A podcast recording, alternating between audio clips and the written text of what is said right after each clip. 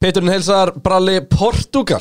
Heldur betur, í uh, fyrsta skipti síðan 1996 Já, hann tók ekki langan tíma fyrir söguhundin Bralla að Já. henda fram einnig staðrindina Og ný braut. Við fact-checkum því samt aldrei, þú gæti bara verið að bulla Já, já, það er bjútið við þetta.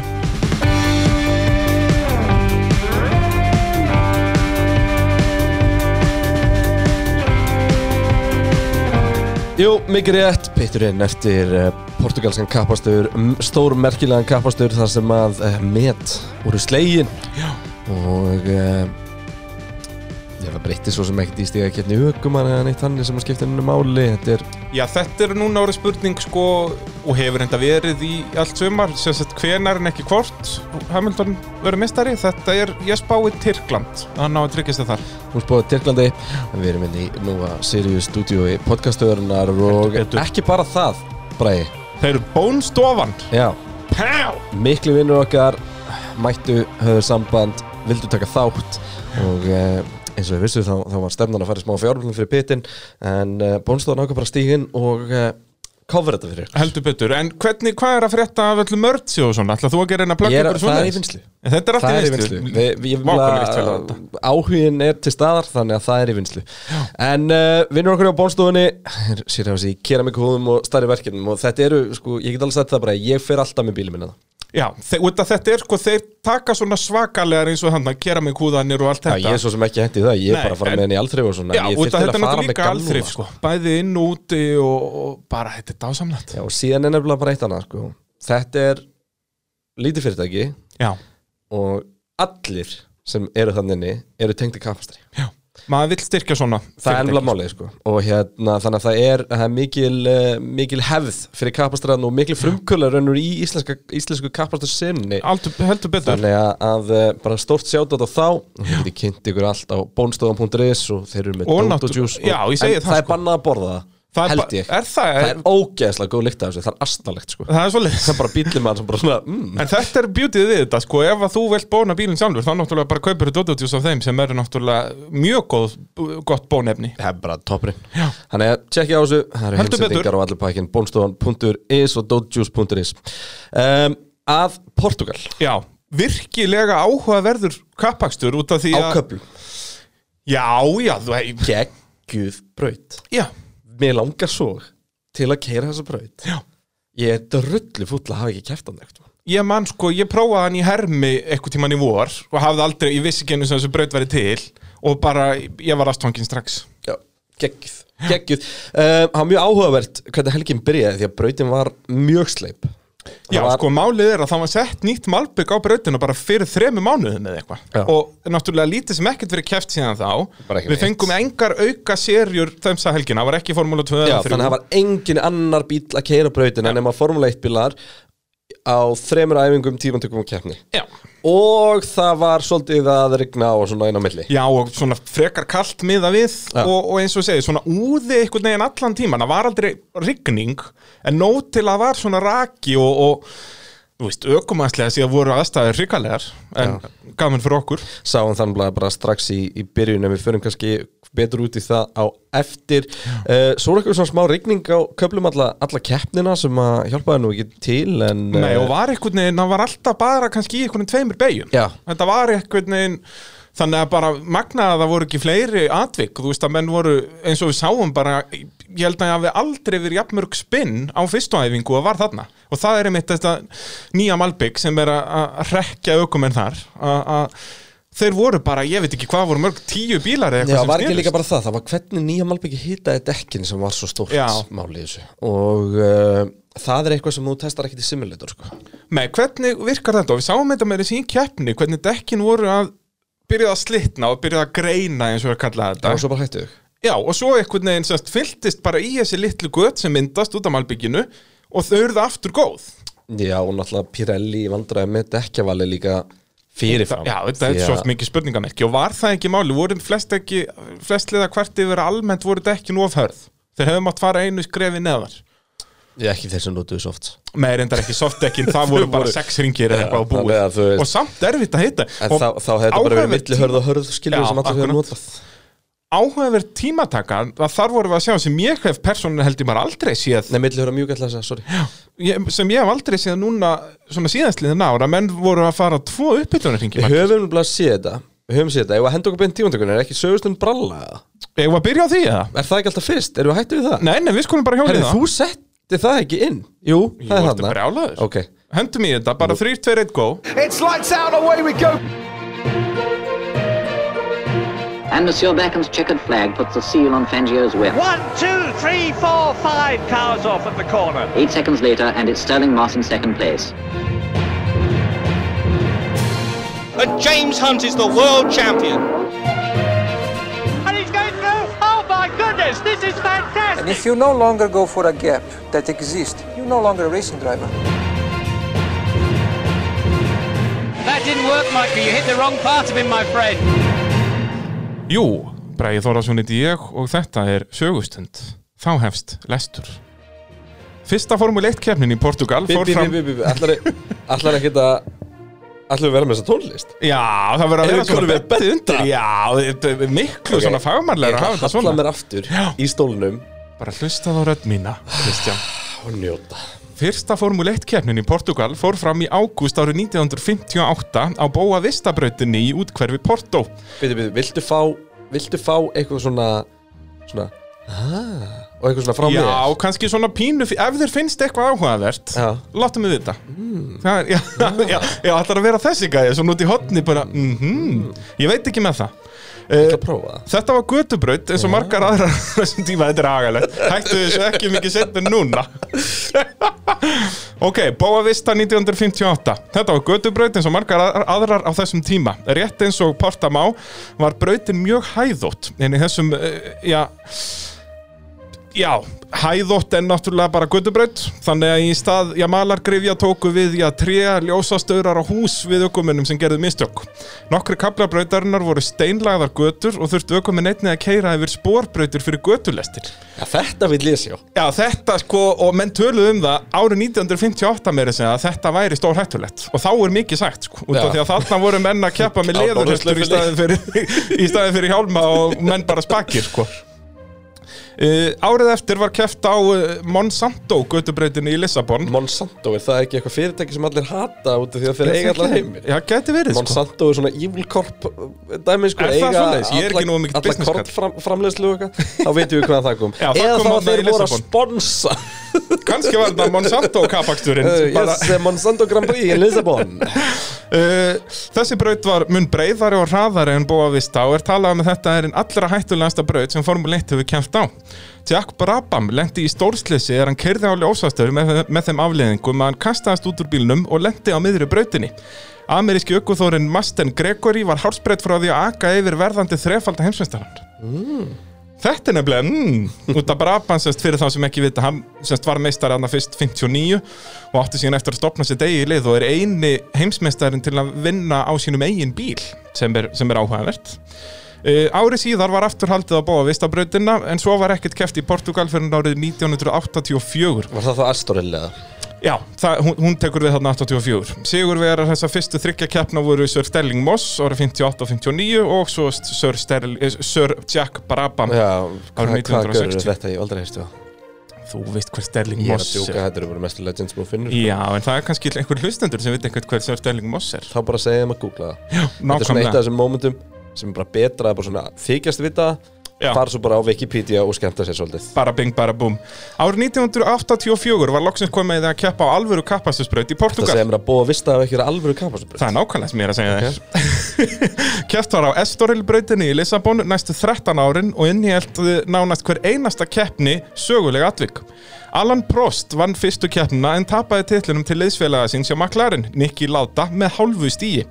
Árið setna var grenjandi rigningabrautinni sem reyndust fullkomnar aðstæður fyrir ungan brasíliskan aukumann sem vann sinn fyrsta sigur í keppninni. Mér finnst ungur brasilískur aukum að rosalega oft koma fyrir í sögustund bralla Já, getur eitthvað gískað á hver þetta getur hugsanlega Gíska á verið? þetta sem að, sem að heitir uh, uh, Ayrton Ayrton. Ayrton Arton Senna, það er rétt, hann vann sína fyrstu keppniðan í grænjandi rigningu í Portugal á 1985 Prost vann aftur árið 1987 og slóð þar með 14 ára gamalt með Jackie Stewart yfir flesta sigra í sögu Formule 1 með sínum 28. sigri. Þannig að þetta er eitthvað trend þarna í Portugal að slá metið yfir flesta sigra. En eh, Prost held náttúrulega sem metið þangað til Schumacher tók það og, og Hamilton var svo að náði um helgina með sínum 19. og öðrum sigri. Það má segja að hatramlegur slagur Prost og Senna á rætur sínar að rekja til portugalska kappaksturins árið 1988 þegar að Prost reyndi framúrakstur að Senna á ráskablanum. Senna ítti honum þá næstum því utan í pittvekkin en Prost gaf ekkert eftir og komst fram úr. Og já, flestir þekkja þessa sögu svo sem þarna á eftir að, að já, þeir voru alveg sneldu vitlausir. Dramað varð enn meira árið setna. Nigel Mansell á Ferrari sem vann Estoril kappaksturinn árið 1986 með Williams var dæmdur úr leik fyrir að bakka inn í pit eftir að bremsa of sent fyrir pitstop. Hann sést bara oversjútaði pitboxið sitt eins og maður segir á góður íslensku. Uh, svarta flagginu var veifað aftur og aftur en Mansell hunsaði það. Svo reyndi hann að taka fram úr senna með þeim afleiðingum að báðir duttu úr leik en Mansell átti réttilega ekki að vera á brautinni. Þetta gerði út um titilmöguleika senna það árið. Bæði Mansell og Ferrari fengu 50.000 dollara sekt og Mansell fekk keppnisbann í næstu keppni. Kristján, hvað þið gerum þetta? Ignora svart flagg. Það er hart Það er ansi hart og að taka út ökumann síðan, veist, þetta er bara, þetta er agalegt, sko. Mansell. Uh, liðsfélagi Mansell, Gerard Berger, vann keppnin árið 1989 en Mansell vann árið síðar. Sagan endur tók sig næstu tvö ár. 1991 var Mansell, sem nú okkur Williams, aftur sínt svartaflaggi fyrir að bakka inn á þjónustusvæðinu og aftur var það liðsfélagan sem vann. Fyrir að bakkin og þjóður, er það ekki bara 40 refsti? Já, nákvæmlega, henda okkur í Formule of Road bara. Uh, Bakka er á þjóðurinsvæðinu Já, sko, í fyrra skipti þegar þetta gerist með Ferrari þá sést bremsa hann bara á seint og fer, þú veist, einni bíllengt lengra en Hann bara pitboxið. Já, hann, en hann setur í bakkir og bakkar þess vegna fekk hann svarta flaggið. Þarna var það þannig að Williams krúið hann er að kera fyrir Williams þarna að þeir ná ekki að festa hann afturdekki þannig að hann er unni stoppar ekki alveg við endan á pitlinn og bakkar bara í gegnum allan pitlinn. Þannig að það var mun augljóslara svarta flagg þar. Að, hérna, og síðan já, ári, ári setna býttu þú alveg búin að taka með að læginu og árið setna gerðist hva, hvert er ég komin? Eh, mann sem Mansell Gerard Berger vann keppnin árið 1989 En Mansell vann árið síðan Þú ætlar að fara að taka söguhotnið af mér? Sagan endur tók sig næstu tvö ár. Herðu, stoppaðu Sagan endur tók sér næstu tvö ár. 1991 var Mansell sem er nú okk fyrir Williams aftur sínt svart, svartaflaggi fyrir að hafa bakkað henni á þjónustusvæðinu. Og aftur var það liðsfélagan sem vann. Nú var það Ricardo Petresi og árið eftir vann Mansell aftur þannig að það var alltaf hann að bakka henni á þjónustusvæði liðsfélagi vann Já. og svo vann hann árið Já, eftir þegar hann fattaði að hætta að bakka. Já, en, en Williamsin var alltaf ól segur hann Þetta, ég hef aldrei heyrt um þetta Nei, Svart þetta- flagg fyrir að bakka Já, og síðan tekur út ökumann á brautinu þegar það er búið að veifa flagginu í andlitið á honum tvisvarsinnum. Sko. Þetta var alveg, þetta var agalegt að fylgjast með þessu. Uh, William stóðu sig alltaf vel á brautinu og unnu öll næstu ár frá talið 1993 þegar Michael Schumacher vann fyrir Benetton. Williams bíl með rás nummer 6 vann síðustu tvær keppnar sem haldnar voru í Portugal árið 1995 og 96. Nicolas Latifi náði ekki að halda þeir hefði áfram núna um helgina sem er náttúrulega synd og skömm því hann er á Williams og nú nummer 6 þannig að hann hafði gullið tækifæri og, og ég persónulega spáði honum sigri þar sem að ég er sögumæðurinn Bræði Þórðarsson og horfi bara á sögulegar staðrindir. Estoril brautin var smíðuð árið 1972 og var farin að bera þess merki síðustu árin. Eigundur brautarinnar lofuðu alltaf að uppfæra pitsvæðið og stúkurnar en aldrei var uh, það gert. Fía kölluðu blöffið og árið 1997 var keppninni aflýst. Planið var að halda loka keppni ársins á Estoril en í staðinn fórum fram á Heres brautinni, eða Jerez brautinni á Spáni. Þar fengum við hennan svakalega sjúmakker Villeneuve slag sem við heyrum með mitt smá brot úr alltaf í trailernum fyrir söguhotnið. Ætlar að halda áfram að anda svona mikið í mikrofónin Estoril kappaksturinn var á dagatalinu 1998 en þar sem engar uppfæslur voru gerðar á brautinu var keppninni aftur aflýst. Portugal held aftur kappakstur núna um helgina eftir 24 ára á hlýja. Alþjóðlega Algarve-brautin í Portimao var smíðuð árið 2008 og hefur meðal annars verið keft í MotoGP, A1, Le Mans og FIA GT-seríunni á brautinni. Síðast okkur Formule 1 bílar á Portimao brautinni í janúar árið 2009. Þá var Lewis Hamilton ríkjandi meistari, Fernando Alonso var að prófa Runo-bílinn og Nico, Hol Nico Holkenberg hafði aldrei endað af velunapalli. Magna hvað getur breyst á svona mörgum árum. og þar með er lestir í lokið Þetta var ljótt hann hérna Já, já, maður, sko Bræði Þórðarsson sögumæður, hann getur líka verið sniður á fyndin, það er ekki bara bralli vittlýsingur Þetta er líka í kvíðindi. Það sem getur þess að breyst á þessum árum er að Lewis Hamilton er orðin segursalist aukumæður í Formule 1 og upphæði Já, Og ekki bara það, og byrja að tala þessum tímatökuna. Já, er það ekki? Uh, Greiði Bottas. Þetta er, sko, við tölum um það hér fyrir í, í sumar eða fyrir í ár, það er nú ekki alveg sumar lengur. Það er svo sannlega ekki sumalengur og, og hvernig, sko ég held að þetta væri Hamilton sem væri bara að reyna þetta. Ég held að þetta sé líka svolítið Bottas, bara hann meikar þetta þú veist, ég skil Ég held líka bara Bottas sé rosalega fljótur að komast upp á sinn hraða en svo bara er ekki þar fyrir ofan. Já, að það sem við erum að tala um fyrir það sem ekki vita, þá var Bottastur hraðastur í fyrstu æfingu, annar æfingu þriðju æfingu, Q1 Q2 Hann var reyndar ekki fyrstur í kóinum Nú já, er þetta Hann var- Q3 og Q2, ég er örglast alltaf að þessu Hann var, nei, hann var, hann var uh, Hamilton var hraðastur í fyrsta hlutunum Nú er það? Já. Hamilton var fyrstu nei, Verstafinn annar og, og Bottas þriði í, Í fyrstu Q1 tímatöku? Já, í Q1 Nú, ok, Q2 er Bottas eins og það er yfirbyrða hraðastur akkurat. En svo bara þegar það skiptir Q3 máli Og þá tekur Hamilton bara aukaring Já Bara, og það er til dæmis eitthvað sem ég man ekki eftir að sé eða að þeir sem setja bensin á bílinn fyrir tvo ringi vitandi að það tekur smá tíma að hita upp mediumdekkin og hann fer auka ring eftir hraðringin sinn Það er einhver braut sem ég gerði alltaf á Er það? Ég man bara ekki hvaða braut það var Núna Já, við- nýverið það? Já, Kannski Monza. Austin Var það Monsa? Getur við í fyrra hitt fyrra Já, ég allavega, mér þótti þetta undarlegt. Já. En þú veist, er Þetta, var, þetta er undarlegt, en ég meina Þeir bara kom ekki hitt í dekkin Menni. Og sem er mjög svolítið skrítið því að þú náttúrulega ferðu út á heitum dekkjum sko.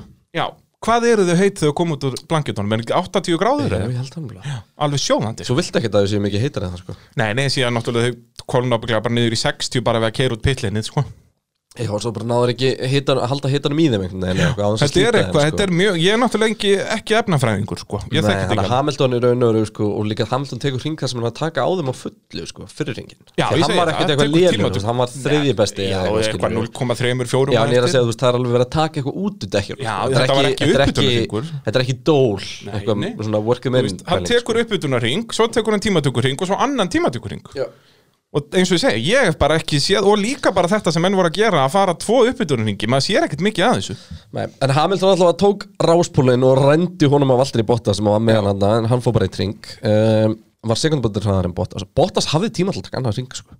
Hann bara fattaði það ekki Já, þú veist, er þetta eitthvað sem að þeir Þú veist, þetta Eða hlýtur að vera búið að ákveða þetta fyrir Já, já, já, 100% Þú veist, Þetta var með eitthvað Hamilton bara, herri, ég ætla að prófa aftur. Nei, ég segi það, þú veist, það er búið að- að setja ákveðið bensín á bílinn og Ótrúlega þetta. þetta við fórum út með akkurat tíma í tvo tímatökurringi Já, og bensín og allt sko. mikil hefni Þetta er meistara hefnin sem allir er að tala um með Hamilton. Uh, Verstappen nær en hann hefur verið samt sem að brautin er stutt og allt hannlega en hvað, þetta eru 0,25 Já, í prósentulega talið er að nær þó að, þú veist, þetta er ekki bara að breyta hann á steytri en það sem að kannski var yfirburða afreg tímadagana var uh, nokkur uh, sjálfsleik hlörk Já. í fjórðasettinu sem átti stórkostlega hring uh, þar. Sergio Pérez 50, Alexander Albon 70 Lala tímadagi á honum hálfrið segundu á bakvið Max Verstappen Carlos Sainz uh, 7. Uh, Lando Norris 8. Gasly 9. Ricciardo 10. Okkon 11. Stroll 12. Svo kom hann að Kvíat, Russell og Fettel 15. Hvað var það sem klikkaði á Fettel? uh, Geta hans til að kera form Nei, það var, það var eitthvað Hann bara fæk ekki hitt í dekkin, hann talaði um Já, það eftir, hann eftir tvo ringi bara Hann, sem sagt, uh, það voru aðalega framdekkin og, og bara fyrir hluti hring sem skerist ekki neitt þegar hann beði bílum Ég skilji uh, Kimi Rækunen var síðan já, fremstur hann í, í, eh, af þeim sem datt út í byrjun. Uh, Russell hins vegar fremstur af Formule C. Mm -hmm. uh, Enn og aftur í Q2 Giovannizzi, já, sjönda skiptið á hornu Já, magnað sko. Giovannizzi, Grosjean, Magnussen og Latifi. Jep.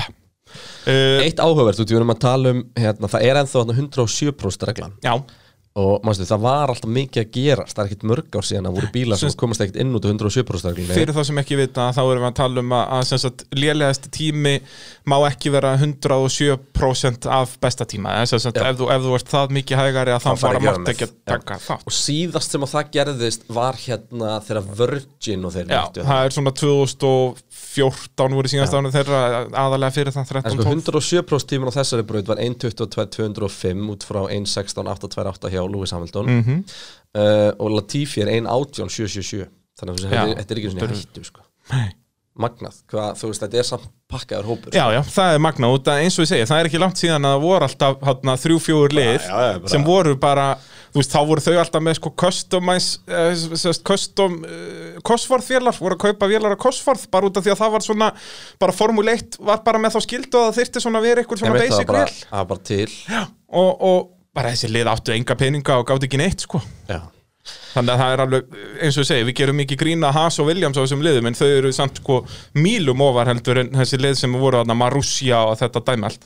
Eflamáli, en eins og áður sagði þá sigraði Hamilton og var á Ráspól Þetta var hins vegar ekki straight forward. Ó nei, dettur niður í þriðja sæti. Hann dettur í þriðasæti í, í, í Ja, eh, fjórða? á, Nei, öðrum, á öðrum ring Dettur hann í þriðasæti Hann missir Bottas fram á sér startinu. Já. Um, Og svo bara, ég held að bílinn fyrir að bila Ég er bara held að líka. Þessi fyrstu ringir voru eitthvað svo mesta steipa sem ég hef séð. Og bara þeir sem voru á milli höru dekkjunum þeir komu bara ekki hitt í dekkin Nei, nei, og bara fóru ekki, þú veist, þeir voru ekki eins og belja á svelli Þeir voru eins og döð belja á svelli. Já, veist, var bara Það gerðist ekki, nei. Nei, og það er, það er svo skrítið að horfa á ombordin frá Görins og Sainz eða Kimi Rækkurin, Já. eitthvað sem voru með gripið. Og þetta er bara eitthvað joke, sko. Þetta er bara, eins og ég segi, ég fatti þetta ekki. Og það er einmitt út að það var pínu úði Það var ekki, það var ekki blöytbrautin Það Það var raki, já, kalt og rigning og, og svona viðbjóður Að bara, eins og þessi fyrstu ringir Þetta var stórkostlegt. Þetta var, þetta var alveg ótrúlega og maður bara svona, ha, hvað er ég að horfa á? Karl, þú- Carlos Sainz í fyrsta seti Já, og bara on, þú veist, on merit, eins og ég segja, sko. Já, já, þú veist, bara það vann sig upp bara. Já, Og samt eins og Max Verstappen á mjúkudækjunum Hann gætt samt ekki neitt. En náði ekki hitti og náttúrulega lendir í samstöðan við Peres. En, uh, já, uh, Hamilton og Bottas ræsa báðir á millihöru dekkjunum uh, Hamilton nær svo Bottas aftur á 20. ring og Já. það sem ég púntaði hjá mér, hann púlaði út 1,3 sekundur á þeim ring Já Það er klikkun Já, út af því að sko á svona 15. ring þá vorum á að ok, bóta sig með þetta þetta komið, hann er þarna með einhverjar 2-4 sekundur í foskott, bara nú þarftu bara að keira vinnur uh, síðan hugsaði Hamilton með sér, heyrðu, nei þetta gengur ekki, sagði í talstöðin heyrðu dekkin er ónýtt og svo fór hann að keira hrætt Já, og segja svo alltaf, herru, nei, dekkin eru bara fín og það sem að gerist er að dekkin fóru í gegnum einhvern svona fasa, það sem að þau Já. voru eins og þau væri að fara að droppa af Já. svo stoppaði það þetta er sem sagt, það eru svona greining tvær phase. Já, þetta, sko annars vegar greinast dekkin Gre ég- greining. Ég, ég, ég reyndi ekkert um að þýða þetta með það að þau var að perlast. Já, það er mjög smekklegt. Og, hérna- En þetta er ekki það sama og þeir kalla sko blistering. Nei, Það er annað, eru- þá eru eru þið að ripna að bara. rifna, já. já. Þarna er þetta sagt að, að gúmið sem er trettið á dekkinu sem er sem sagt það sem gefur þið gripið þegar þau eru að greinast, þá er það gúmið að opnast upp. Já, Svo þegar þau slitna meira og meira og meira og hittna meira að þá er henni lokast þau aftur þó að sé ekki jafngott grip og þau eru ný en þá eru þau samt komið gripið aftur Já, líka komið það, sko. Já, þegar þetta komið í sundur þá er þetta bara eins og dekk á, fólksbílinu þínum. En ef þú gerir vittlust á meðan þú er að greinast Já, þá, ertu geturðu búin að eðilegja Já, þá, þá fer allt trettið af þeim í rauninni. Þá ertu bara komið niður í stregan Þó að þetta sé nú ekki beint strígi En sast, þá er það sem gefur grip allt farið Já. Og þá ertu bara á, með svarta rauslapóka undir bílnum. Fjór. en, en Hamilton Það er alveg ástæða fyrir að hann er búin að vinna 92 keppnir. Hann áttaði sér nákvæmlega um hvað var að gerast. Já. Hann vissi að þetta var ekki blistering í gangi þarna. Já. Mhm. Hann vissi að það voru bara að greina. Og þannig að þá fór hann að keira Hvað maður að segja, miklu meira svona precise. Sko Hann var ekki munurinn á að Hamilton og Bottas var að Bottas kerði eins frá upp að öll endakeppninar Já. menn að Hamilton var betri á hvernig Já, Hamilton áttaði sig betur á því hvað var að Hamilton í gerast endakeppninar domineraði Bottas Já, en við sáum það líka að Þetta er stærsta, sagt, stærsti munur á fyrsta og öðru sendi í bara þetta klikkað, 25,6 sekundur það var bara klikkað. Já, sérstaklega þegar eitt þriðja keppninu var búin að þá var Bottas með þetta í hendi sér. Já. og það, samt endar Hamilton á að vinna með einu pitstoppi. Já. bara og samt var ekkert eitthvað auka stopp á Bottas eða neitt. Nei, nei, nei, nei, Bottas kerði bara sína keppni það er bara nákvæmlega sumi keppnis áallin að Hamilton. Nákvæmlega. Og, og talandi um keppnisáallun þá verður nú að fara yfir þetta að, Bottas byður um mjúkudekkin en það er búið að ákveða fyrirfram og Hamilton er sagt að pitta og gera þetta. Mhm. er þá samgjönd að Bottas sé gefið eitthvað vældkallar en að vinna liðslega Uh, nei, og, og þess að fyrir, ég fyrir nefnilega, liðið. ég nefnilega að hugsa þetta líka. Bara akkur leifaður hann ekki? Já, og A, hann hefði tapað því. Algjörlega en, en mjúkut ekki voru glötuð. eins og ég horfa á þetta Mercedes, þeir eru, með, þeir eru með þetta í, þeir eru að fara að vinna báða tilla og þá hugsa maður "Eh, af hverju leifaðin fá ekki bara fíblast og eitthvað? Mercedes funkar bara ekki þannig. Nei, þetta er þýst, þýsku vél. Já. þetta er bara, hlutir skuli vera ef að línan segir beint þá förum við beint. We will not make a fool of ourselves. Akkurat. A, a, og þannig virkar þetta bara og Hamilton talaði um það þegar hann er sérst, kallaður inn á, á þjónustinsvæðið að, hann talar um að dekkin eru bara góð. Þú veist þannig að þar kannski Það kemur meika inn að- ekkert sens að fara eitthvað mikið lengra Ég segi það að vera hörðudekkjónum í tíu ringi meikar ekkert mikið sens sko. Þannig að út að þeir vissu að þeir væri að fara að setja hörðu undir Já, og ef að dekkin hefur orðið eitthvað marginal eða eitthvað skilur þú veist, það er bara engin ástæð að vera eitthvað að pússa í áttina að, að einhver limiti og þarft sig ekki sko. Og þá er mitt komið við aðeins um með bottasöldi mjúkudekkin að þá hefur geta endað í sama grínu og Silveston skilur Það er alltaf hættulegt að- að út að þeir hafa séð dekkin Ég skil alveg Bottas að byggja um þetta en ég skil alveg Mercedes að neita því Algjörlega. Ég bara, Það er svolítið staðan sem ég er með á þessu. Já, uh, talandi um hennan akstur hjá Hamilton hvernig nær að halda dekkjónum þannig að sest, öll dekkin virðast eyðast jafnt á bílnum? Þetta er eitthvað sem hann er búin að vera þjálfast í síðustu ár að hann er ekki Það er samt ekki alveg. Veist, Nei, Það er ekki alveg það, þetta er meira bara það Hann er bara geggjar í að láta dekkin endast já, en ég, sest, ég er meira að spurja af hverju hann er geggjaður í því. Hvern, hvað er það við akstustílun hans? Og þar er mitt finnst mér þetta hvernig hann Ef að ég vissi það, já, þá væri það upplýsingar sem ég myndi fara með allra og ykkur mann og fá stóðum pilk fyrir. Bara bing bara búm. En er þetta ekkert sem hægt er að greina eitthvað? Ert með datað. Já, en ekkert svona við að horfa á hann kena? Mm, Nei, nei, þetta er eitthvað svo minimalist já. að við bara sjá, ég held að, ég, veist hvað, ég held að þetta sé frekar eitthvað annað. Ég held að sé bara það, að hann er bara svo góður í því að púla gappið, án þess að vera að læsa og gera mistök, halda sig innan limitsins hann er aldrei að búa til hann er aldrei að svona íta undir vandamálin fattur þau hann er svo mikið innan rammans, hann veit svo upp á millimetr hvað völlurinn sem hann getur spilað á er stór. Að vandamálin ágerast hægar hjá honum heldur en hjá öðrum og hann býr sér til þetta sveigurum sem hann þarf til þess að geta tóna aksturinn sem hann niður með og, og við sjáum það líka bara hann gerir eigil aldrei mistök. Hann er ekki gæin ég segi það, veist, hann er aldrei gæin sem að snýst í fyrstu æfingu til dæmis. Veist, hann bara gerir það ekki. Eins og við sáum núna, það voru einhverju tíu eða tólf ökum sem snýrust á æfingunum ekki Hamilton. Og, og stór kröss og eitthvað svona, hann bara gerir þetta ekki. Volítið alveg, já, bara alveg fáránlega lítið. Maður eiginlega automatikli býst við að eitthvað hafi klikkað á bílnum eða hann fyrir út af sko. Já, það er svo leis að bara ótrúlegur ökumaður og, og á þess að 92 sigur að svo sannarlega skilið. Já, uh, Sigurinn var nú svo sem ekkert uh, mér er svolítið áhugavert þessi krampi sem hann fekk hann, hann tala um hann eða þurfti Já. að að lifta á beinukörlunum því hann bara, þetta var sérst í hægri kálfanum hans og hann fann bara löppinu vera að festast Já. ef hann var í botninu í beinukörlunum sem er grítið sko að, að þú kannski getur útkipt þetta betur að, að maður myndi halda að þetta væri á vinstri fótinn sko þetta því að það er ekki mikið þú, svona þú, breyk þú getur náttúrulega tekið hann af. Þú veist, hægri fóturinn er alltaf eitthvað að vinna. Já, þú veist, spáði hverju fáar sekundur sem þú ert ekki að gera eitthvað á bensingjum Já. og það er til nákannisvinnu í astnalegri stellingu og eitthvað svona dót. Það er alveg ástæða fyrir því að bíla sem þú kerir í tvo tíma og eftir gjöf allan tíma er með krúskontról oftast. Já. Og já, þetta er líka krampi á það er náttúrulega bremsupetallinu meira bara þá ert að ta- nota styrkin úr lærinu í rauninni bara eða þannig til þess að bomba niður sko. og þú ert ekki mikið að nota Já, sko það er ekkert svona eitthvað, bremsu hjálp eða þú þannig líka þetta er alveg brems, já, það, petalar í þetta, þetta var, var góð lýsinga þú, þú bremsar miklu meira með semst með lærinu einmitt, Já. heldur en þannig ertu bara að vinna með kálfan upp og Já, niður sko. út af því að Og því að draga þetta Já. er allt bara by wire, sko, veist, hann er ekkert þungur þetta er bara mjög precise það er bara eftir hvað þú viltir hann sko. bremsupedalin er bara beintendur og það þarf Já. bara veist, það þarf bara jafnvel að setja 80 kíló á fótapress á hann sko. Já, út af því að það er ekkert, það er ekkert svona break servo eins og er í, í fólksbílum að, hérna, Þannig að, að, já, fær hann að krampa í hægri fótinn og, og svona, jú, jú, bara lifði með því en eins og sannur íþróttamaður en samt skrítið, sko, hann er greinandi í talstöðinum að ég er með krampa og, og dekkin er ónýtt og svo bara hraðastir hingur, hraðastir hingur, hraðastir hingur En þú segir að Hamilton sér hann getin Já, ég sagði það, eða sérst, nei, ég, eins og ég sagði síðast að, að hann er ekki orðin það en hann mun verða það, 100% bara út að, ég er sögumæður sko, ég horfi bara á hvað hann hefur gert. Ég held nefnilega að jafn mikið og við erum að pyrra okkur á, okkur á því að formúlan sé fyrir sjónlega með Hamilton og Mercedes. Og við líka njóta þess að vera að horfa sennilega á besta eða einn af þeim bestu sem eitt hún hafa verið til.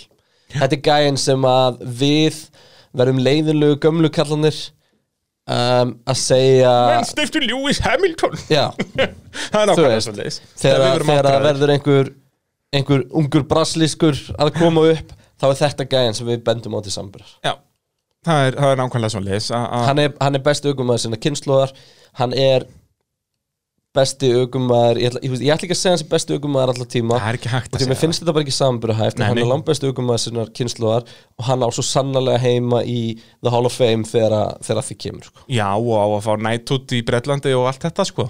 Hann er magnaður. Þetta er styrla endaka manni, það er bara Vestnaðan er ekki með persónuleika, það er eini í skallurinn Já, og ég sagði síðan sko að, að ég er að, ég, það er ógæslega fyndi, ég er búin að velta svo mikið, ég velta svo mikið fyrir mér í sótkvíð. Hérna eftir að við vorum að spjallinu og ég var að segja sko, sjúmakir átti stærri þátt í að byggja upp Ferrari. Já. Ég held að það sé alveg rétt hjá mér ennþá. En ég held hins vegar að hátt ég held nefnilega að hlutverk Hamilton sé vannmetið innan Mercedes líka sko. Já. Tóto Wolf allavega hann að nota hvert einasta tækifæri til að segja Þú veist, þú ser líka bara hvernig persónuleiki Tóta Hamilton er Wolf að gera líka minna úr honum heldur en Já, úr einhverjum gömlum keppinuti. Nákvæmlega En uh, er eitt sem ég, hérna, ég sá svolítið áhugavert. Og það er hérna sko það er bara einn maður sem hefur unnið bæði Schumacher og Hamilton með honum í bíl. Nico Rosberg. Yep. það, er, er nákvæmlega svo leis Þannig er hann geitin? Já, Alonso var aldrei að keppa Nei, ekki sama bíl og Schumacher. Ekki væri. aldrei saman bíl og Schumacher. Já, þannig að Rosberg er langt bestur allar tíma sko. Ég held það sko. Það er nákvæmlega þannig. Það, Við getum ekkert sett við því. En þetta, mér finnst þetta líka svo ljóðrænt og skemmtilegt Hvernig semst Hamilton tók við af Schumacher í Mercedes Og er núna að taka við öllu með Donum hans líka. Þetta er er dásamlegt fyrir sögustund að Braga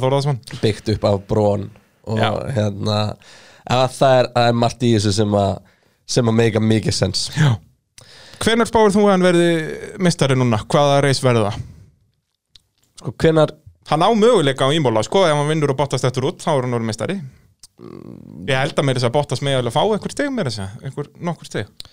ég bara er ekki sem bara að spá í, veistu það mér er einhvern veginn svo drullu sama um þennan hluta kemna því að það veit allir hvernig það endar Já, Og en ég er einhvern veginn meira að ríða já, þetta er alveg ágætið Eins spurning og segi, sko, það er ekki hvort, þetta er þar með Benz verða mistarar næst. já, það er ekki bara gefið Jú, þeir áttu möguleika núna, þeir þurftu að fá 40 stegum meira en, en Max Verstappen. Ég ætla ekki að, ég ætla ekki að tellja Albon með því. þetta er ekki ástæða til Nei.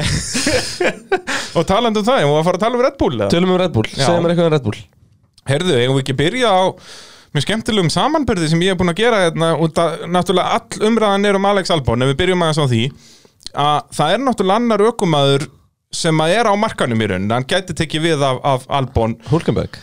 Nei, ekki Hulkenberg, þetta er nefnilega, þú veist, ég er að taka svolítið annan vingil á þetta. En semst þessi ökumæri sem ég er að tala um að, semst á þessu tímabili þá hefur, er hann sko færri stigum á eftir Albon en Albon er á eftir Max Verstappen. Þannig að hann er alveg uppverkilur Albon hefur fengið einu stigi meira en hann í síðustu þreymur keppnum. Og þetta er náttúrulega Kristján Einar Kristjánsson. Ég er búin að vera að velta fyrir mig þetta er svo mikið þannig að Já, myndi segja mér meira, ég getum alveg startað einhverju slúri hérna Þannig að sko, ef við tökum Kristján Einar vs. Albon, eins og við segja, Kristján er færri stigum á eftir Albon, heldur en Albon er á eftir Max Verstappen. Uh, með Kristján Einar var Red Bull ennþá öryggir í öðru sendi í keppni bílasmiða. Já, verður að tryggja það Já, það er bara með þinni framistöðu í ár, þó að sért ekki búin að koma nálægt formúlubíla, þá væri þeir það samt, sko. Ok, þar sem að Max Verstappen er langt á undan uh, Racing Point Eh, Í síðustu þreymur keppnum, eins og ég sagði, já, hefur, hefur Albon aðeins fengið einu stíði meira heldur en Kristján Einar, þannig að það er eh, góður punktur þar. Og náttúrulega, sko, Albon hefur skemmt hluti fyrir 106 miljónir íslenskar króna, en Kristján hefur ekki eitt svo mikið sem einni krónu í Formule 1 vara hluti, þannig að Þetta var líka stór, þetta er svona mentalum með, með Peres að hann kemur með peninga Já, þú bara basically sama, sko. Já, Já. en þetta kemur allt út af því sama sko. þannig að Ok Kristján Horner, ert að hlusta? Ég, ég til þetta Já, það ekki, ég samt þetta í er þetta ekki að fara að gerast kviknaði þessi hugmynd þegar ég sendi á þig Já. í keppni Já, ég sendi á Braga um miðbygg keppnar og ég sagði á hann bara Bragi, ég þyrfti ekki annað en að taka hanskan af, af hillinu og mögulega fara aðeins út að hlaupa og ég geti gert það saman. Já, og þá að sjálfsögðu fór ég að búa til statum það hvernig þú ert í, í stakk búin gegn Albon. Já, ég, ég tek þessu. En það ekki? Jú, ég tek þessu. En, ég, eh, ég er bara ég, ég er ekki að fara að setja síminn á silent Ég ætla bara að býða eftir Já, þessu já, símtali. við vitum að Kristján er, að- er að hlusta Það er að segja Kristján Horner nafniðin Já, einar endar ég er í smá vesinu með superlicensi en það hlýtur að mig að redda því. Já, blessa, það er bara opna nú marga seriósbakka og það lítur að koma í einhverjum þeirra. Lía, nei, hérna, Akis var örgulega til að skrifa upp á það fyrir mig. Já, nákvæmlega. Uh, En Albon sem sagt, já, er sjötti í tímatökum, klárar tólti uh, og Max er klassiska bara ræsi þriðji og endar þriðji Albon, hvað, hann dettur nýr í tólta eða ellefta eða eitthvað, bara strax á fyrsta hring og svo er hann bara þar. Sko, byrjum að ræða eins Byrjum að ræða eins Vestafinn Ok. Við þurfum að ræða snertingunum við Stról Já, það er hann á Nei, við Peres, ég að segja. Á bara í, hvað er þetta, þriðja beigja? Þriðja beigja, eitthvað um, Sko, ræsingin hjá, hjá um, Vestafinn var mjög góð.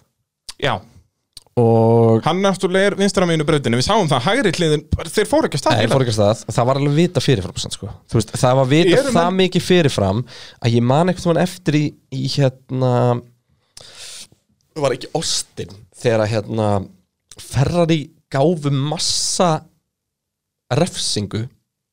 Já, skipti bara eitthvað hlut til þess að Alonso myndi færast á hreinarhluta það var einmitt svona nýbúið að leggja nýtt malbygg og eitthvað svona.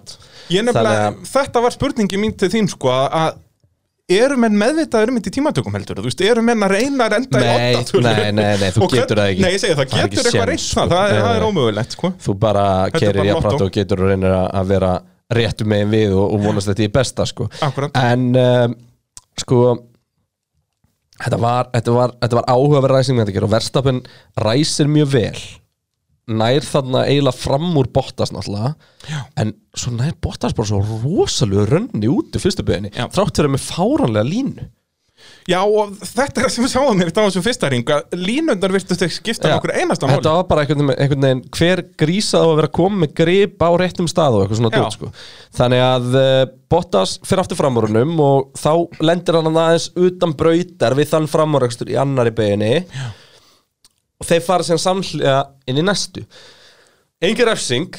Hefði alveg verið hægt að refsa Vestafinn fyrir þetta. Já, fyrir að klæsa þannig á Peres þú veist, Vestafinn er bara í full lock og bílinn Já, bara já. beigir ekki. Hann gætt ekkert gert út Þetta er svona mjög svipaður svipað eh, svona, já, hvernig er endað saman og, og gerðist þarna í báðum austuríkiskefnunum Já. Og þá sérst var Hamilton var efsað í fyrsta, fyrstu keppninni var það ekki svo Pere sem klesti á Albon í setnaskipti og þá var engan refsing og Já. síðan hefur það haldið stoltið þannig að fyrir svona lagað og sérstaklega á fyrsta ring að þá er mönnum ekki refsað menn töluðu svolítið um það sérstaklega út að þetta er á fyrsta ring að þá var ekki refsing og Já. ég, ég held segir svolítið sammála Verstappen sko. gat ekkert gert mikið meira sko Nei, ég held ekki hann að að- svo fór sem fór En uh, ef við kíkjum á, á það sko um,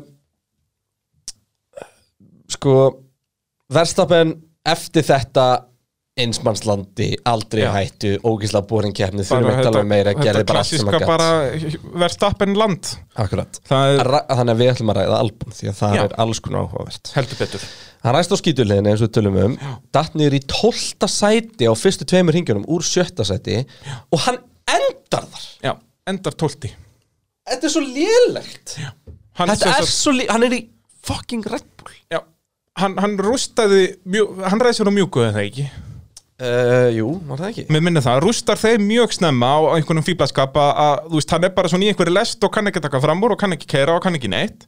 Og rústar þeim bara og fer inn á, þú veist, tíundaning eða eitthvað, þú mátt endilega flétta upp Hann pittstrategíuna ræsir á mjúkundekkjum. Uh, Nei, hann pittar ekki fyrir hann á 20. Nú, fyrsta eitthvað hann ekki hvað af hverju setja hann þá aftur á mjúku í endan? Rústaði hann þessum medium-dekkjum þá, já, hann hefur greinað þau í drastl og bara Já, út af því að Horner talaði um það eftir keppni sko, að, þetta síðasta stopp var ekki einhver fíblaskapur liður, bara dekkin voru ónýtt hann bara rústaði dekkjum 32 ringi á þeim. Sem er samt ekki það mikið á medium í þessum aðstæðum. Hefur, veist, þetta er þess að við vorum að tala um munin á Bottas og, og Hamilton að Albon hefur bara rústaði og ekkert átt að segja hvað var í gangi. Sko, það er 32 ringja gömuldekk Hann hefur, hann hefur fengið potið Já, svo hann fengið notu mjúk eftir það. Grunnsala margir ringir hérna á dekkjum. En hérna Ég veist þetta er bara lélegt skilur og hann var bara bara getur og hann er bara. Nei, og sko það sem er að gerast er það að það er alltaf verið að þróa bílinn Red Bull er bara rosalega upptændir af því að fá meira að gripa fram meira að gripa fram, meira að gripa fram og verðstapin er svo cool með það núna er komið fullt að gripa fram hann og afturöndin má bara þá vera pínulegs Já. Albon bara getur það ekki, Nei. hann bara hefur ekki í sér. Beislinn nákvæmlega samur að gerast við Ferrari. Já, Uh, Kristján Horner talaði mynd um þetta eftir keppni að þá er náttúrulega allar spurningar beinast að Albon hjá honum sko að að- Fyrir keppna sagði Albon, nei sagði Kristján Horner að fyrir keppna hann vildi að Albon myndi kleima sætið sitt hjá Red Bull fyrir 21 með, með góða margur portama á Imola Já. sem að því að síðasti sjensin að sanna sig eitthvað Imola ég held að sé bara, síðasti sjensin sé bara löngu búinn. Já, ég meina hann þurfti að vinna Verstappen on merit. Þá kannski væri eitthvað að hugsa um það. Já, en þú veist eins og ég segi, þetta er long gone. Þetta er ekki að fara að gerast. Albon er núna einu stíi og undan Gastli í heimsmeistarkefni það er svo leis og Gastli er á Alfa Tauri. Og, og en, en eins og já, það sem ég var að fara að segja með Kristján Horner í viðtalinu hann eftir keppni að þá talar hann um þetta að þeir tala, töluðu báður um það bæði Gastli og, og Albon þegar þeir svissuðu uh, fyrir 12 mánuðum síðan að, að uh, Alfa Tauriin, Toro Rosso er miklu auðveldar í akstri. Þú veist, við meðum ekki gleyma því að Gastli gatt ekkert kert hennar Red Bull frekar en Albon gatt og, og þannig að hann talar alveg um það Horner að, Albon væri ól segur á Alfa Tauriinum sem að ég held að sé svo sem alveg rétt hjá hann en, en þetta er bara fyrir neðan allar hellur. Þetta er bara svo lélegt sko. Já, þetta er, þetta er allt of lélegt. Þetta er það, það Þetta er bara, þetta er á pari við Sebastian Vettel lélegt. Hvernig fannst þessi? Mér, veistu það, ég ætla að þú voru hissa því ég fyrir að rósa fettal eftir. Já, ok, já, vákvæði yfir þessa Það Ég býð spenntur. Jep, do it. Uh, En hérna, já, náttúrulega pitt Krúið hjá Red Bull. Vá. Þetta er bara rugg Wow 1,8 sek að skipta um uh, fjögur dekk. Og Red Bull er eina lið þessu tímabili sem hefur náð undir 2 sekundur þetta voru alltaf bara Red Bull og Williams. Og maður hugsa Það með tekur þig ekki lengur í Williams. Nei, en, en þú veist, maður pælir í þessu. Nú er Red Bull búin að vera í þessum tvekja sekundan klúb alveg í, hvað er þetta komin, þrjú ár? Já. Tvö til þrjú ár. Þeir eru bara á einhverju öðru level eða kemur sem pitstop Já, en ég meina, af hverju eru, þú veist, eins og Benz og Ferrari og þessi lið sem eru stór lið Af hverju ná þeir þess ekki? bara, Þeir eru bara ánægir að ná einhverju alltaf því sama frekar en þetta sé eitthvað svona flakka. Þannig þeir reyna kannski ekkert meira. Red Bull eru að ná þessu, þú veist, lélegt stopp hjá Red Bull eru þrjár sekundur Þeir eru alltaf í bara 2,5 En til lélega 1,8 stoppi öllum með þrjá sekundur Já, já, en þú veist, eins og ég segi, standard stopp hjá Mercedes að það er, þú veist, 2,4 sekundur Já, veist, mér finnst þetta alveg pínu skrítið að í, í svona mörg ár er það bara Red Bull sem við náðum sem standard. Að, þú veist, ég efast um það að Mercedes er eitthvað bara horfa á þetta og bara, nei, við þurfum ekkert að fara hraðar. Þú veist, auðvitað þurfum að fara hraðar. Sérst þeir af öllum Já, nákvæmlega, sko. að, þetta er pínu steikt sko, núna hafa sérst Red Bull náðu þessu sex sinnum á þessu ári að vera undir tvær sekundur með pitstop og þetta munar alveg, þú veist, í ár munar þetta ekki miklu út af því að það er engin Ferrari að keppa við þá. En, en ef svo væri að, þá að sjálfsögðu munar um þessar 0,2-0,3 sekundur, þetta er formule 1 þannig að, já, magnaður árangur hjá, hjá Red Bull, með, hvað þetta varðar en ekki á mannunum sem voru að skipta um dekkin hjá hins vegar sem, sem var þessu Jésús. Kristus Ég bara oh, Ég, ég er bara svo út í hann Ég með langaði að hann var í góður sko. Ég, ég þóldi ekki sko. Dottin er í áttundasæti í mótunum með 64 stík Þetta er ekkit eðlilega lélegt Nei Og já, þetta var síðasti naklinn í líkistunni, það er bara Ég svoleiðis. trú ekki öðru sko. Ég, ég, bara, 100% ég bara trú ekki öðru sko. Eða hendi í Racing Point Hendur með Racing Point, það var heldur betur áhugaverð keppni á þeim um, og skrítin vika bara hjá þeim og ég ætla bara Já. að byrja á því þetta var bara skrítin vika hjá Racing Point og, og Stroll uh, Stroll náttúrulega kefti ekki á nörbrunning Nei, uh, út af því að hann var slappur Já. og var lasin hann síðan flýgur þaðan eða keirir, ég veit ekki heim til Sviss, þar sem hann býr og í test þar og er, er jákvör af COVID.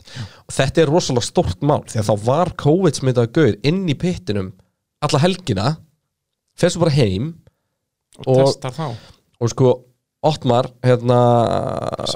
Schaffnauer hérna liðstjóri uh, Racing Point hann sagði nefnilega, þetta var mjög fyndið hann sagði hérna þessa helgina að hann væri með svona flu-like symptoms og, og maga og pain, hérna, hérna stomach pain. Sagði að Stról væri með það. Já.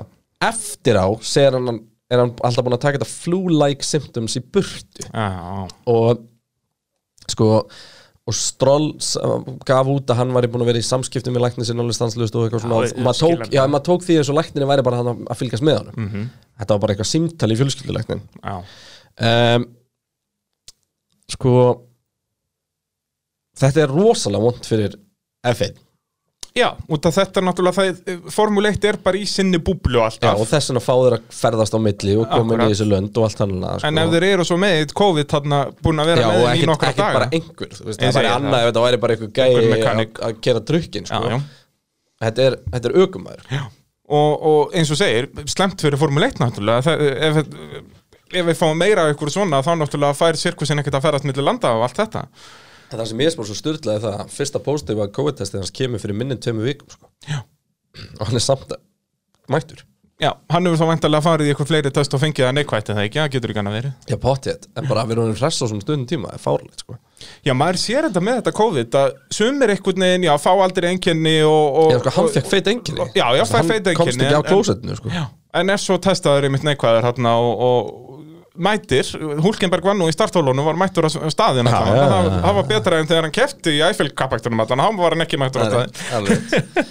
En uh, allavega, þetta var mjög skrítin vika hjá þeim. Síðan eins og við erum að tala um að hann Verstafinn tekur út Peres á fyrsta ring og, og Peres, hann fyrirlega bara strax inn í pitt fyrir við á millihörudekkin Mhm. Ég held að hann alltaf bara látið endast Já, alla þannig, hvað voru þetta, 66 ringir eitthvað svo leiðis En hann bara, í raun og verið þurfti þess ekki Klárar í frábæru sjöundasæti sem Já, var, fimmtasæti bara þangað til á hvað, þriða síðasta ring eitthvað. Já, næssi þetta held ég bara, þá fara þær allir Þá Jú, bara- það var á þriðja síðasta sem hann lokar alveg á hann, hérna, Gasly. Já, en þá voru bara mjúkudekkin búin og maður spyr sig, þú veist, miða við það að já, hann fór svo sem bara ringstittra heldur en Hamilton á millihörudekjunum hvort hann hefði mögulega getað látið endast. Já. en sem recovery drive var þetta frábært honum. algjörlega endar sjöðundi þarna og er í, langsíðasta sendi eftir fyrsta ring uh, Hvað fannst þér um þessa já, vörslu hans á sætið þarna? Þetta er á held í þriða síðasta ring þegar hann er uh, Já, þegar hann blokkar Gasly. Já, út af maður var búin að sjá DRS-kablan hann, ráskablan að ekkert mál að taka hann fram úr og Peres vissi það alveg. Þú veist, þetta var hættulegt, þú veist, hvað fannst þér um þetta? þetta var hættilegt Já, en þetta er ekki eitthvað sem dómararnir bregðast við. Nei, allavega ekki í fyrsta skiptið. Talandi um fleiri skrýtna hlutum helgina. Uh, Vitali Petrov. Last Já. eitthvað um það? Nei, ekki neitt, ég sá að skrifa þetta inn í Já. skjallið og ég vissi ekkert af hverju. Petrov var, átti að vera dómar á Portamá flög heim á löðin eftir að pappans var myrtur í á, heim, á heimilegra já, þetta var bara eitthvað ha? What? akkurat. Rússarnir löðrandi léttir bara svakalegt sko. Já. Nei, ég hefði ekki hugmynd um þetta. Þetta var, Það er- þetta var gefið út þannig pappans greinlega einhver, Sturlaða einhver staðreynd dagsins. þekktur í Rúslandi sko þannig að þú veist þú Já, var konar já, nóg fréttir til. um þetta strax sko. Já, hann er áallan og auður Blessaður. Já, En- heyrðu, þetta er rosalegt með en uh, ég, held, ég held alveg pottan hafi dáið. Hann var lent í skotarhús Já, en hérna, já áfram að, að að þessu atvikið þarna, já, þetta var út að Þú veist, er þetta teknilega síðan er hann að reyfa sig á bremsusveið, þú veist, var þetta ekki eins fyrir bremsusveið það stendur reglum á megin og þetta er bara einn hreyfing, þetta er bara rosalega lung og stór og mikil hreyfing. Já, og svona alveg hægt að en eins og ég segi, hann hefði ekkert mátt gera þetta aftur.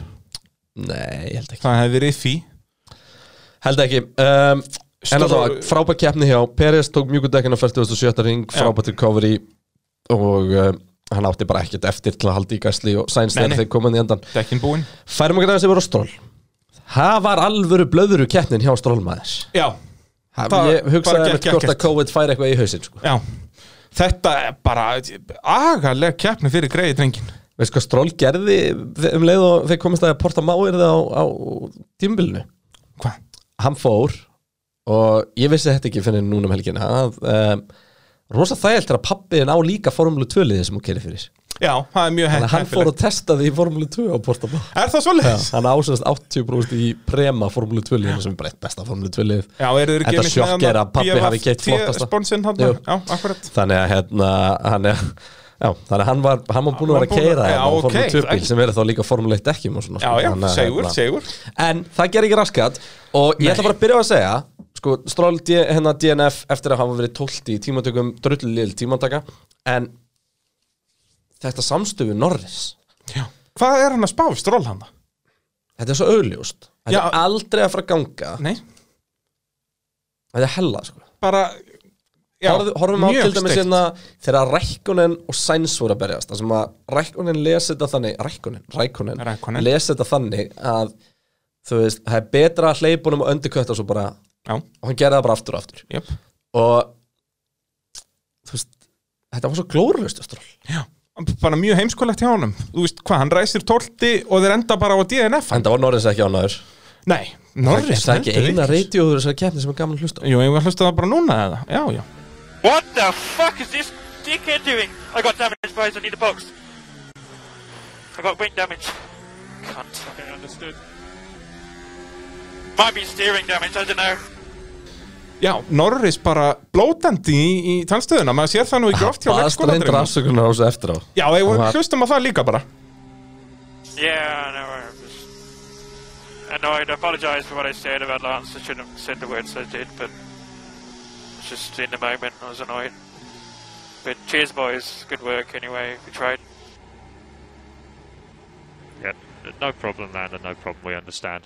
að hann, Og þetta er bara í reytjónu eftir keppni Það Ah. er bara, sorry, bara for my behavior Þú Ah, veist, bara, hann bara var pyrraður og þetta er bara allt í góð en uh, þessi helgi svona, þú veist, Peres bjargaði þessu aðeins fyrir að klára sjöundi en minna þeir falla báði niður í, í, í stíakefni aukumanna Já, Racing Point er að halda þriðasettinu, samt Þeir eru hérna á 126 í þriðasetti í keppni bílasmiða já, og, En núna er slagur þar orðin svakalugur út af því að bara niður í fimmtasettið sem eru Runo, Runo eru með 120 það er 60 60 á mill út af því að bæði McLaren og Runo fengur fleiri stig en, en Racing Point núna sko. og svo er Ferrari í þannig sé ekkert neitt brjálæðislega langt á baku í með 93 það þarf ekkert mikið að ganga upp hjá þeim til að þeir skjóðst upp sko er, ef, að- Vettel, Vettel geti bara verið jafn lélugur og okkon ekki jafn lélugur og Vettel að þá væru þeir í þessum slag sko. en, en Vettel kann ekki gera bíl bara spenntur um, þá farum við ykkur yfir í hvað, McLaren já, um, og það er náttúrulega þessi, þetta start hjá Sainz er náttúrulega bara fyrsta sem við tala um Norris 8. tímantökum, 13. í keppni Sainz 7. tímantökum og 7. í keppni og Já.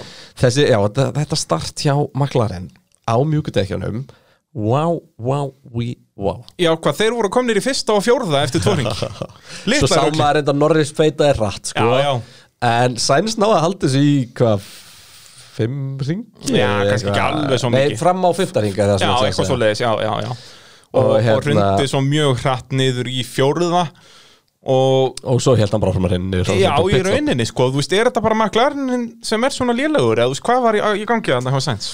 Menn ekki liðlega en það, hann klárir í sjötta seti Já, já, Ól Sigur. en hann var fyrsti, minna strakkið í hann bara, þessi dekk voru bara handónit og En þú veist eins og af hverju er klerka vinnan? McLaren bílinn er ekki góð við dekk. Nei, hann er það reyndar, já, við erum búin að sjá það mjög að- þannig að í keppnis og þessari til dæmis það að Hamilton tekst að keiri gegnum mjúkudekkin nei, miðlungsdekkin uh, McLaren skemmti þau Já, McLaren er mjög svona aggressífur bíl, getum orðað þannig. Já, þannig að- að, Og þá náttúrulega sérstaklega í þessum keppnum þar sem erum með lítið data að það í rauninni, þá eru þeir ennþá verri í rauninni. Við sáum þetta svolítið, á Mugello voru þeir agalegir að, Þannig að Ímóla getur verið slengt fyrir það, sko.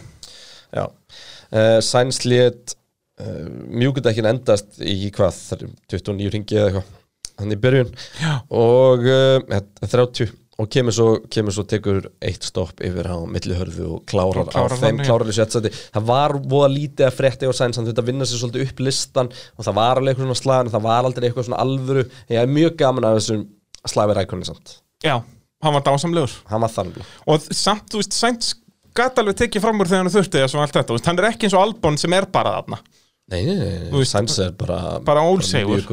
uh, Norris lendir í þessu samstöðu þarna, þess að það var kjárstæðum í fjórasæti fellur svo aðeins niður lendir í þessu samstöðu þarna við Stroll og það bara rústar keppninni hans Já. líka þarf nýjan framvæng eftir það og eitthvað um, og svo til þess að toppa allt þá fær hann slow league puncher á nýja Já, alveg rétt. hæglegandi það bara uh, lag úr dekkinu Já. og hann þurfti að og hitta og bara- fá, fá önnur dekk Hvað ruggli það í Formule 1 að hann fyrir að leka úr dekki? Sl- slow league puncher sem er algengt Ég veit það En þú veist, hvað er þetta, keira þér yfir bara carbon fiber? Carbon eða þá bara, þú veist, get ég að fyrir að leika með frá felgu þú veist, ég því hvað þetta er bara í ála, ála Já, já, algjörlega, algjörlega Það er mikið álag, við náttúrulega rættum það ekki tímatökunum var frestað út af því að Það er rétt. út af því að Fettel sogaði Já. uh, niðurfall upp úr, upp úr steiftu festingunum Já. Og þeir, þeim leist ekkert á þetta að brautar starfsmönnum eða þess að þeir sem eiga brautin út af því að þetta er ekki bara svona eitthvað eitt Nei, þetta svona, er af- eitthvað svona lengja. Já, þetta lænar alla brautina, sko, veist, þetta er bara eitt svona kassi af, þú veist, ég veit ekki, þúsund. Já, þetta er bara svona, þetta er svona niðurfall, svona eiginlega í- Já, þetta er þannig stemming og þeir leist þetta bara með að steipu þetta. Já. Þeir voru ekkert með annað svona bara, með þetta að þurka steipulega Já, Þetta var magnað sko og, og hérna, já, töfðist, töfðist tímatakan um, um hálftíma þarna. Geggja símtal sem ykkur verktaki á svæðinu fekk. Já, Já. Nonni, blessaðu gamli, heyrðu, ég er með hólu Getur unnið á lögadegi? Nei, ég vinn ekkert á lögadegi Já, ég held þú vilji vilja á lögadegi Núna maður, Fettel, hann var að skjá þetta. Ok, ok, Ég, kem ég mættur, mættur einhver run og hérna Katti hérna einhver. Bara einhver gæi með bumbu sem var ekki að háta þessum að Bara ræstur út og Þetta var Geggja, en síðan náttúrulega Áttu, eftir áttu hraðþóttandi múr? Já, já, já, hann, já, komdu með hann. og nokkur hárblásara. Og, og síðan náttúrulega eftir keppni þurftu þeir að brjóta þetta allt upp og þetta náttúrulega blokkaði allt, ef það hefði komið auðsandi rigning þá hefði bara komið á aðna út af því að þetta náttúrulega blokkaði Ja, dreiningssystemi sko, það er út af rétt. þeir smekk fyllt þetta bara steipu en þeir voru búin að skoða ykkur að gera. Já, já, Ól segir En uh, já, McLaren lítið svona, eitthvað sem við tala um þá í framhaldi. Keppnin ekki að henda þeim þess að vildu. Sjötta sæti falla niður í fjóra sæti í stegakefni hérna, bílasmiða. Og um, hann er alltaf bara dýrst að Norris skil ekki stigum. Já, heldur betur, endar 13.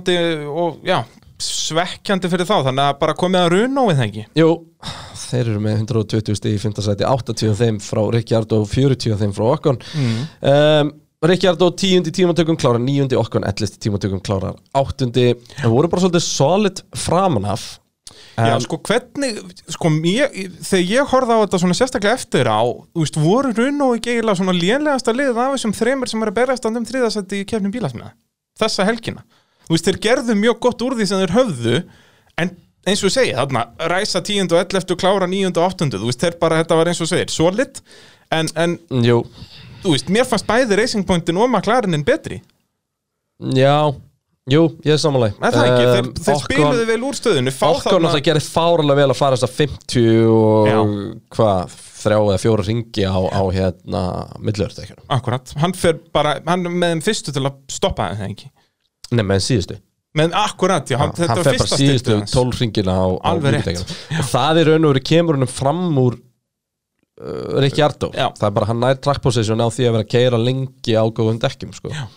og svo bara var Ríkjardó ekki með biti þegar hann loksist nærnu því að þá eru dekkin hans orðin þú veist 40 ringja gömum Já, já, og hann er á nýjum mjúkum allt aukt, sko Þannig að uh, bara vel gert þar og í fyrst skipti bara í árheldi sem okkar vinnur Ríkjard og bara, í, merit, já, bara já. í, í, í jafnari keppni ég held sko. það, ef ég man rétt allavega ég þór ekki að staðfesta Já, það var svona lítið að frétta hjá þeim. já, og- eins og ég segja og þetta, ég elska þess að baráttu svo mikið að um þriða seti kefni bílasmiða eins og ég segi, það eru 60 án á milli þryggja liða og þetta rótirast í hver einustu keppni. Þú veist, núna voru runn og bara ný, síðast voru þeir eiginlega bestir af þessu. Hvað gerist á ímála bara dásamlegt. Um, Ferrari, jú, Leclerc. Maður helgarnir Já, 100% ég er sammálaður þar það er, Peres var sko kosin driver of the day officially, en það er bara út að kostningin fer fram á sko síðustu fimm ringjónum og eitthvað og allir held að hann var að fara endi í Og fymta við sáum aldrei klörki kemni. Það bara glemdum honum. Það glemdum honum. og hvernig hann þetta er bara, þetta er svo magnað. Ég er, er alltaf með sömu spurningun á þig er Leclerc svona góður eða Vettel svona lélegur? Og ég er alltaf með sama svarið. Já, Leclerc er að gera frábæra hluti En þessi bíl bara hendar Fettel alveg hrikalega. Já og það er að kosta Ferrari veist, þetta tímabil Ég hefur kom bara með hluta af snúist. skýringuna ok, Og hún kemur á eftir. Þetta tímabil hefur já bara það eina sem við tölum um að það er að gera grína Ferrari. Ef að Vettel eins og ég segi, ef hann væri jafn lélugur á Okkon ef hann væri ekki sko jafn lélugur á Albon eins og eh, raunber vitni að þá væru þeir í þessum slag. Ég held að Leclerc sé að gera 105% og Fettel sé að gera 95% Ég held að margir hann sé ekki meiri ok, Og um, Sko Þetta var einn besta keppni Fettel á orðinu það er svo leiðis tíunda senti af, hvað ræsir hann? 15. Nú ætlum ég að horfa fram hjá hvar hann endar í, í hérna þessu Þetta er bara eitt bíl út, með glemma því Mhm. um, Leclerc gerir stórkostlega hlutum helgina og ég ætla bara, ég ætla ekki að ræða þetta í samburði við Leclerc, ég ætla bara að ræða þetta í samburði við Fettelinga til. Það er nú Um, ekki hátt prigg. Fettel var rétt og eftir rununum hann hjekk í já, já, hann var að setja pressa á mér já, já, en ég minna hann var líka það var alveg stutt í næsta bíl á eftir, en það ekki? Hvar var Fettel og Mugello? já, ef þú ætlar að bera þetta saman Nei, við ætla- hvar var Fettel og Mugello? hann var að berast við George Russell. Já. Um, sko stigasöfnum Fettel á árinu er ekki alveg í takt við gæðin. Því að það sem að Fettel hefur dotti út á árinu hefur verið á brautunum sem að- eða hann hefur lendið í einhverju svona vesinni hefur verið á brautunum sem meika sens að þið fór stig. Til dæmis hefði hann átt að vera með alveg örgulega tíu stigum meira ef að það hefði ekki verið fjórða eða fymta sæti á Red Bull Ring þegar Leclerc kerir hann. Já, um, munurinn á hjá Leclerc og Fettel er að þegar Fettel lendir í vandræðum þá er það á keppninu sem hann á að skora stig. Að menna þegar Leclerc lendir í vandræðum þá hefur það verið á keppninu sem hann á ekkert endilega að skora stig nema hann á Red Bull. Um, þannig að það er svona ímislegt sem að ígir þennan samanburð. Ég er hins vegar á engan hátt að segja að Fettel sé á pari við Leclerc sko. Það skal enginn halda ég sé að fara veist, eins og ég segi, bara ef hann væri svipað og er ömurlegur fyrir Fettel. Já. og þú veist, afturendin er bara svo stórt vandamál og sögulega þá líður Fettel ekki vel í bíl sem er lausa aftan. Og náttúrulega hinga til hefur hann bara sagt liðinu, heyrði ég fíleit ekki og þeir breyta bílum fyrir hann. Núna er það bara ekki staðan. Já. nú eru þeir meðlega klærk sem að er að fíla þetta í bótt Já, Og svo kom útskýringin nefnilega frá Haas. Við ætlum bara að ræða þetta hérna núna? Því að þetta, þetta snýst um Haas. Ok, en þetta snýst samt um ferri held ég og ég er að ég kannski að leggja saman 1 pluss 5 og fá 2 sko, ég veit það ekki alveg. Segðu mér, segðu mér. Um, Núna fyrir keppni þá er náttúrulega búið að reyka bæði Grósson og, og Magnúsin við Já. vitum það. Og Grósson verður mjög átspoken í viðtali og fyrir að lýsa vandamálum Haas á árinu. Og vandamál, stærsta vandamál Haas á árinu fyrir utan það að vera með ferrar í mótor sem að virkar ekki er að og haldur, ég hef aldrei hýrt aður aftur fjöðrunin er að ofhitna já, Hefur þið hýrt um þetta þér? nei, ja, hvað er þetta bara oljan í demporónum bara, í glussan, glussan í, í, í glussakerfinu og dempararnir sérst virka þannig að þeir eru sko, dempararnir eru ekki út úr hjól eða þú veist, Nei, nei, og fara ekki upp og inn í niður. þannig að þú veist, dekkin ganga upp og niður sem að þrýstir rótinu inn sem að fer síðan í, í gegnum svona beigju og dempararnir liggja eins og bílinn já, sem þeir fjadra fram og aftur en ekki Já. upp og niður. Á að liggja á hlið. Já, þeim er pakkað einhver staðar. Er þetta ekki eiginlega ón á kirkassanum eiginlega Jú, eða sérst, þú þú er með vélina og girka svona drifið allt í svona einni kúlu einhvern veginn. Og þeim er pakkað í raun og veru þar inni. Og einhvern veginn er þetta allt saman á ofitna og það sem gerist hitta frá vél Já. og kirkassa og það sem gerist og þetta er ekki eins og í vennilegum þú veist, ef við ef við verðum að tala um rallybíl þetta og fjörinu var ofina, myndum við bara gera eitthvað gatan að fara upp á loftin og dempar hann, það Jep. er bara ekki hægt þarna. Þannig. og það sem þetta gerist er að þetta að breyta, er á, nei, hérna, breyta balansnum á reikinu um alltaf 4,4% bara út af hvað auka hita þá eða sérst, Já, þá bara meiri þrýstingur á glussanum sem að lifti þá bara bílnum út í að demparinn er allt í nú svo stíf. já, ok 4,4% þú veist, þegar þú kemur inn og byrjum aðeins meiri, fram, aðeins meiri framvæng þá ertu kannski að breyta erabalansnum með svona 0,25% já, 4,4% þýðir bara að fundamentalist virkar erað á bílnum ég ekki. Já. Nema Þetta fyrir leikverk klikkun. Já, þú veist, hann kannski nær að kera einhvern veginn í gegnum þetta kannski að hita meira Já, eitthvað, og ástæðan fyrir ég er að tala um þetta með Haas og síðan yfir í Ferrari er að Haas er að nota aftur þetta lag Ferrari. Já, já, þau kaupa það beint af, af Ferrari. Þannig þannig að þetta hlýtur að þetta hlýtur að tengjast Ferrarinu líka og þetta rýmar svo við svo margt. Já. því að það sem að gerist er það að við hérna ég og þú hérna hoppum núna saman og við ætlum að gera Ferrarinu okkar að Haas er okkar tilbúin og við fyrir í FP1 nú erum eitthvað að stilla og fyrir FP2 hann er ekki góð en í endan er hann um fít og í FP3 erum við að stilla og við bara erum bílinn hann geggjar í FP3 sem við höfum séð bæði hjá Ferrari og Haas. Bílinn hefur verið mjög góður í æfingum. Magnúsin og Grósin kannski komast í topp 12 eða eitthvað Já, já. og Ferrari er í veist, topp 6 en svo komur í tímatökur og bílinn er hverki þá er búið að vera að stilla bílinn upp miðan við ónýtt afturfjörin nefn með að við allt sér sjóðandi heitt. Svo er þetta bara ískalt og þetta er eitt ring það er kannski bara búið að lappa og lappa og lappa í FP3 þetta er bara eitthvað sem er ekki búið að hugsa út í. Nei. Þannig en ég meina þeir hljóta að vera að byrja þér eitthvað að hugsa út í núna ef, að ef vona. þetta er það. raunin. Ég ætla rétt að vona. En það breytir því ekki að þá ertu að stilla bíl Þannig kaldur sem verður svona klatar Þannig heitur. Já. Þannig að hvernig ætlar að gera þetta? Þú mátt ekki breyta þessu á milli keppni og æfinga. Nei, milli tímatöku keppni Nei. Það er bara park fyrir mig En ég að núna er að samt til að Klerk búin að vera bara nokkuð konsistentli góður Já, í þessum spyrir er hann að ofhitta minna Já, eitthvað, hann sé að nota afturföruninu öðruvísi Já. eða eitthvað svoleiðis, já, getur verið Þú veist, höndlar hann bara betur bíl sem er skrítin Já, það er Er náttúrulega fundamentali dæmi sko. hans meira aerobalansað í einhverja átt Já. Þannig að hann svona fyrir Þetta nær fyrirgefur því að, meira, já, já. þú veist að meðan að þetta íkir meira yfir hinum Þetta er ógeðslega stygt vandamál. Já, það er eins og ég segi, það er, ég elska svona teknitæl, sko, ég, endilega hvað er meira af svona punktum Já, þú og þú endur hannar ekkit eitthvað Nei, þú, þetta er ekki vél og, og, Já, og þetta- dreif Þetta pluss fjöður pakkit dæmi er bara klimtu þessu, sko. Já. Það er ekki að fara að gerast yfir tímabil. Nei.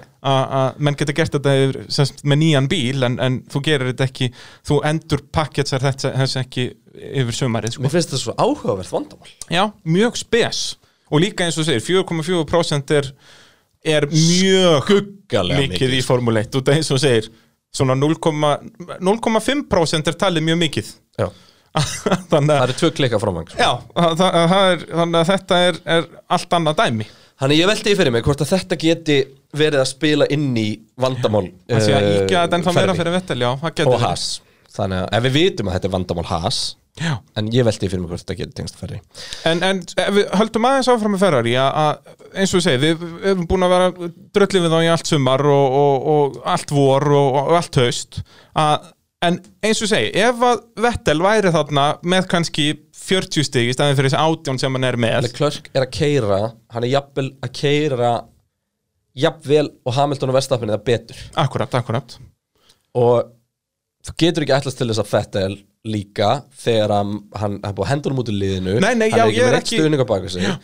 Og þú veist, ég, ég held að Ég held að Leclerc nánast óréttlátt þar sem hann er í, í Já, algjörlega. Og, og, og, og ég er ekki, núna er ég ekki að drullið við Vettel þó að lítið það nút og ég er mjög gaman að ég að drullið við Vettel en ég er ekki að því núna. Ég er bara að segja, segjum með að væri eitthvað annar aðna sem væri með 40 stig sem er bara svona, sem væri góður árangur í þessum bíl að ná 40 með við 78 hjá Já, þá væri þið bara þarna í þá væru þeir í þriðasætti og segjum svo svo að þeir, þannig væri staðan að þeir væri núna í þriðasætti bara nokkrum stegum á undan Runno og Racing Point og það að væri það þá ekki alveg ásættanlegt miða við allt dröglið Jú, þú veist, þannig að þetta er þetta er líka svolítið þeirra vandamál með að henda vettul út í kuldan og, og segja Ha? honum að hoppa upp í sig og allt þetta sko. algjörlega, vil geta ekki betur að sjá Fettel á næsta ári oh, Ég Það vona verður svo innilega verði góður Ég bara, ég vona það svo mikið ég, Já, að það eru margir sem halda að ég sé eitthvað móti Fettel eins og þú, það er svo ekki málið Nei, sko. já, þú elskar vettul Ég hef alltaf verið Fettel Ég er nefnilega þess vegna er ég að reyna að drullins mikið við vettul og mögulega hættir til að fá þess ástrið upp í þér sko. þú verður að fara að hætta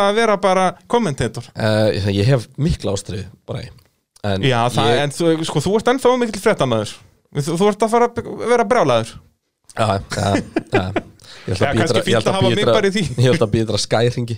Já, já, það er svo leiðis En Kristján Horner á eftir að ringja Já, fyrst. ég veit að Ég veit að ég er með eitthvað mist kólinnar Já, Plus það ekki. fjóri fjórir eitthvað. Heyrðu, Alfa Tauri. Alfa Tauri, vá Gastli Vá, vá, we, vá. Þetta er dásamlegt. Stjörnu framist það Já, Uh, kom sér upp í 5. sæti á 21. ring hann let mjúkudekkin tolla lengi hann, hann fyrir ekki, hann ræsi nýjundi klára 50 uh, lætur dekkin tolla lengi skipti síðan á, út, á, á 29. ring yfir á millhör kom, kemur út í 8. sæti og ég skrifa hérna stórum stöfum hvernig er þessi gaur ekki komin upp í Red Bull já, hann hefur fokkað einhvern upp já, já, það er 100% Þeir Hann hann þú ekki veist- Út að hann er ekki inn í sinni í samtalinu núna sko. Það er bara, nei, við, það er annarkvort Peres en ég held Hulkenberg líka bara að þeir eru svo hrættur við að lukka svo bjánar við að taka hann upp Já, já. Og, En, og eh, Horner er mitt eins og við talaðum á hann nýtur öll tækifæri til að útskýra þetta mitt að Red Bull það er erfitt að keira hann og, og við sáum þetta nákvæmlega saman hérna fyrir 12 mánuðum síðan bla bla bla bla. En, en þetta er meir en það, hann hefur Já. eitthvað skilið eftir og kúka Gastli það bara að fara að finna sér nýjan stall að fara Já, ég það bara að halda sér hann Nei, það er komin rúmor Ok, Ég, fer, ég er með silly season pakka eftir sko. já ég veit að við þurfum eiginlega að fara yfir það á eftir að það er að silly season í að gangi. Já, Við förum yfir þetta á eftir uh, Kvíat, hann Þetta var þetta ekki bara 13. tímatökum 19, Nei, fyrir ekki, jú, 19. keppni Já, bara næst síðastur, hann er bara Já. á undan Latifi Plus 5 fyrir track limits Sekundur uh, Sennilega lélegasta keppni Kvíat ever Er það ekki? Jú, Þetta var bara síðan var bara eitthvað að kóka bakið Red Bull á sem tíma agalegur, sko. Hann klára 19.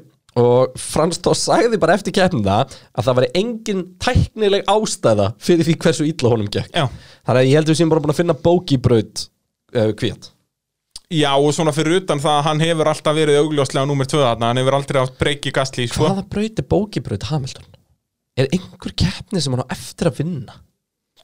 Það var alltaf Singapur, bara út af því að Mercedes voru liðlegir þar. Hann er búin að vinna Singapore Já, já, hann er búin tvisvarið eða eitthvað. Ég held að hann hafi líka unnið þar, sko, Er einhver af þessum brautum sem eru, hjá, eru á tímabilinu venjulega, og nú er ekki að tala um eitthvað þú Nei, veist, nei, nei, nei. braut sem kom bara inn í ári Ég er að eða reyna- eitthvað hannig sem Var hann hann- reynda vann allar Hann hefur unnið ofta á Austuríki, það ekki? Jú, ég man að Rosberg var oft segur á Já, Austuríki. og Bottas var segur í Östuríki líka Rústland var Bottas oft segur, já, Rústland, það getur verið bókibritur hans. Vann hann ekki Rúsland núna? Nei, Bottas var Rúsland núna Ég held, hann hefur ábygglunni þar, en þú veist, Ég, já, það- ég, þú veist, ég, ég, ég veist, það eru bókibrautir, alveg klálega En bókibrautir hans því bara hann er aðeins nær Bottas Já, og þú veist, og þó að bókibröðin hans, sko, þá hefur hann samt allan unnið þar einu sinni eða tvisvar. Það, það er bara það sem upp á, er einhver keppni Sem hann hefur bara ekki unnið. vinna? Þetta er, heyrðu, ég sko komið svarið við þessi næsta þætti. Hann er búin að vinna í Monaco Já, já, já, þú veist, eigum að fara að reyna að tellja þetta upp núna, eða? Nei, Nei, ég, ég kem með svar við þessi næsta það er ánægð með þetta, Já. þetta er spennandi. Uh, Á lokum ætla ég að nefna með uh, Alfa Tauri að Gasly með 63 stig eftir 12 keppnir. Gasly með mörg stig eftir 12 keppnir í fyrir hjá Red Bull? Nákvæmlega sama, Jep, jep. Það mætti alltaf að við lesið skjali sem við erum að þú rýna verður að fara að eins Já, þú sorry, ég er ekki nógu góðir leikari, sorry með mig. Nei, þetta er alveg reykilegt Það er þú varst góðir nefnilega í sögustundin en finnast þetta alltaf áhugavert, þó að þú ert búin að lesa. Ég var enda ekki búin að lesa, ég, Nú, Nú, ok. okay. ég nenni ekkert að lesa. Hérna, Alfa Romeo um, Já, Rækonen 16. tímatökum og 11. keppni Nú og það er skandallan að ekki fengið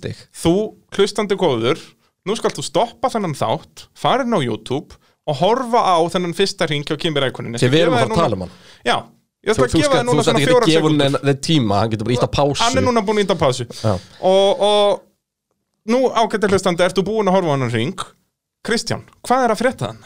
Þetta er eins og þú fær nýjan bíla tölvuleik einhvern kapastisleik og það er svona að þegar þú byrjar þá er látin keira eina keppni þegar leikurinn byrjar og hún er á svona super easy. Og allir Já. bílarnir eru í röð og keira gett hægt og þú bara keiri framhjá þeim. Þetta, þetta er er það heimskulegasta sem ég sé, þetta er svo geggjað. Og sko, í þessum einmitt tölvuleikja scenariói að þá er þetta sko, ef þú ert lélugur að þá keirur alltaf aftan á þú þetta þeir eru það hægir. Já, Rækon, hann er það segur að hann keirði bara fram hérna hann, hann er með reynsluna Hann er 41 góður, árs. hann er góður. En sko, hann vinnur sig úr 16. sæti upp í hvað? Sjötta Já, er hann ekki komin í sjötta Hann meiri segja sko Þetta er meiri segja, hann fyrir við sjötta sæti En hann meiri segja fer fram úr 11 bílum Því að hann missir Giovannizzi fram úr sér í startin Já, Já og, og sko fyrstu tvær beigurnar þá er hann bara held ég búin að missa sætti frekar en græða uh, Já, Mr. Giovannizzi Nei, hann fyrir framur í fyrstu bygg Nú, ok. Og hérna, þetta er, þetta er svo fyndið Því að þú byrjar svona eitthvað, hann byrjar að tína hann eitthvað Russell og eitthvað svona gaur, eitthvað núpa, sko. Já, ná- Svo allt í henni hann bara komin í slag við verstabel á fyrsta hring Já, bara onni fyrstu beigju á öðrum hring Og bara svona, þá í er hverjum einasta sem hann fyrir fram úr Það bara svona hækkar aðeins skillefúlið og er á móti. Þeir Já. lukka allir að bjánlega. Og þegar eins og hann sagði líka eftir kemna bara Ég skildi ekkert ég á þetta fremst. Hvað voru þeir að gera? En þú veist, er þetta bara út af þessum aðstæðum sem voru? Dekkin hans bara voru virkuðu Af hverju er það? Er Það það bara veginn svo aftalega, hann er svo setna að stoppa Já. og er að mjúka dekkinum að þau kólna ekkert á grittinu Já, Þannig það að er- Hamilton og Bottas er búin að búin að stoppa býðist 20 sekundur eitthvað eftir að allur pakkin nærði þeim a, a, það, það er svo sem ágættis punktur og hann hefur líka greinlega átt að segja það hann er 41 ás, hefur átt að segja á því að þessi uppbytunarringur mun skipta miklu máli út af það er ógíslega aðstæður það ég sé úða á Ok, þegar þú glerinu þá er sko rækurinn latasti maður í er rétt. sem ég veit. Það er til svo marga klippur það sem að þú veist þeir eru á baku öryggisbíl Já. það er allir sexakandi Og hann er nema rækurinn bara beint í er gamall maður, veistu hvað er vond svona axlirnar að siksaka og svona, þetta er djúðast Ah, ég En svo sko Giovanazzi að hann fekk sko aðsta draum Kimi Rækunan fekk hann uppfyllan í þessari kefni Veitu, fekk hann ís? Nei, hann fekk ekkert tím radio Hann var bílað Já, allir það var bilað. Ímyndaður að. Rækunan hefði fengið það, hann hefði endað í fyrsta seti. Alveg rétt, að alveg rétt. Alveg rétt. Þannig að það var allt, allt fór allt fram í gegnum uh, já, gamla góða þreytta Já. pitbortið Bara bortið góða Já. sko. Ha, Gamli skólinn. Gamli skólinn sem var heldur að sé ennþá hann bara svona fyrir comical reasons bara, veist, Já, bara svona fyrir sögulegt. stemminguna, já, já, já. bara væri skrítið að vera ekki Já, sko. já, bara svona fá stemminguna. En mann notar þetta Já, og, og þetta var mjög steikt sko Því að liðið var endalaust að tala við hann. Alveg ring eftir ring og eftir ring bara ég, ég held að að Antonio sé bara smá hann ykkur í fílu. fílutum hvað gerði ég? Og- og síðan Hvað gerði hvað viltu fá að borða í kvöld?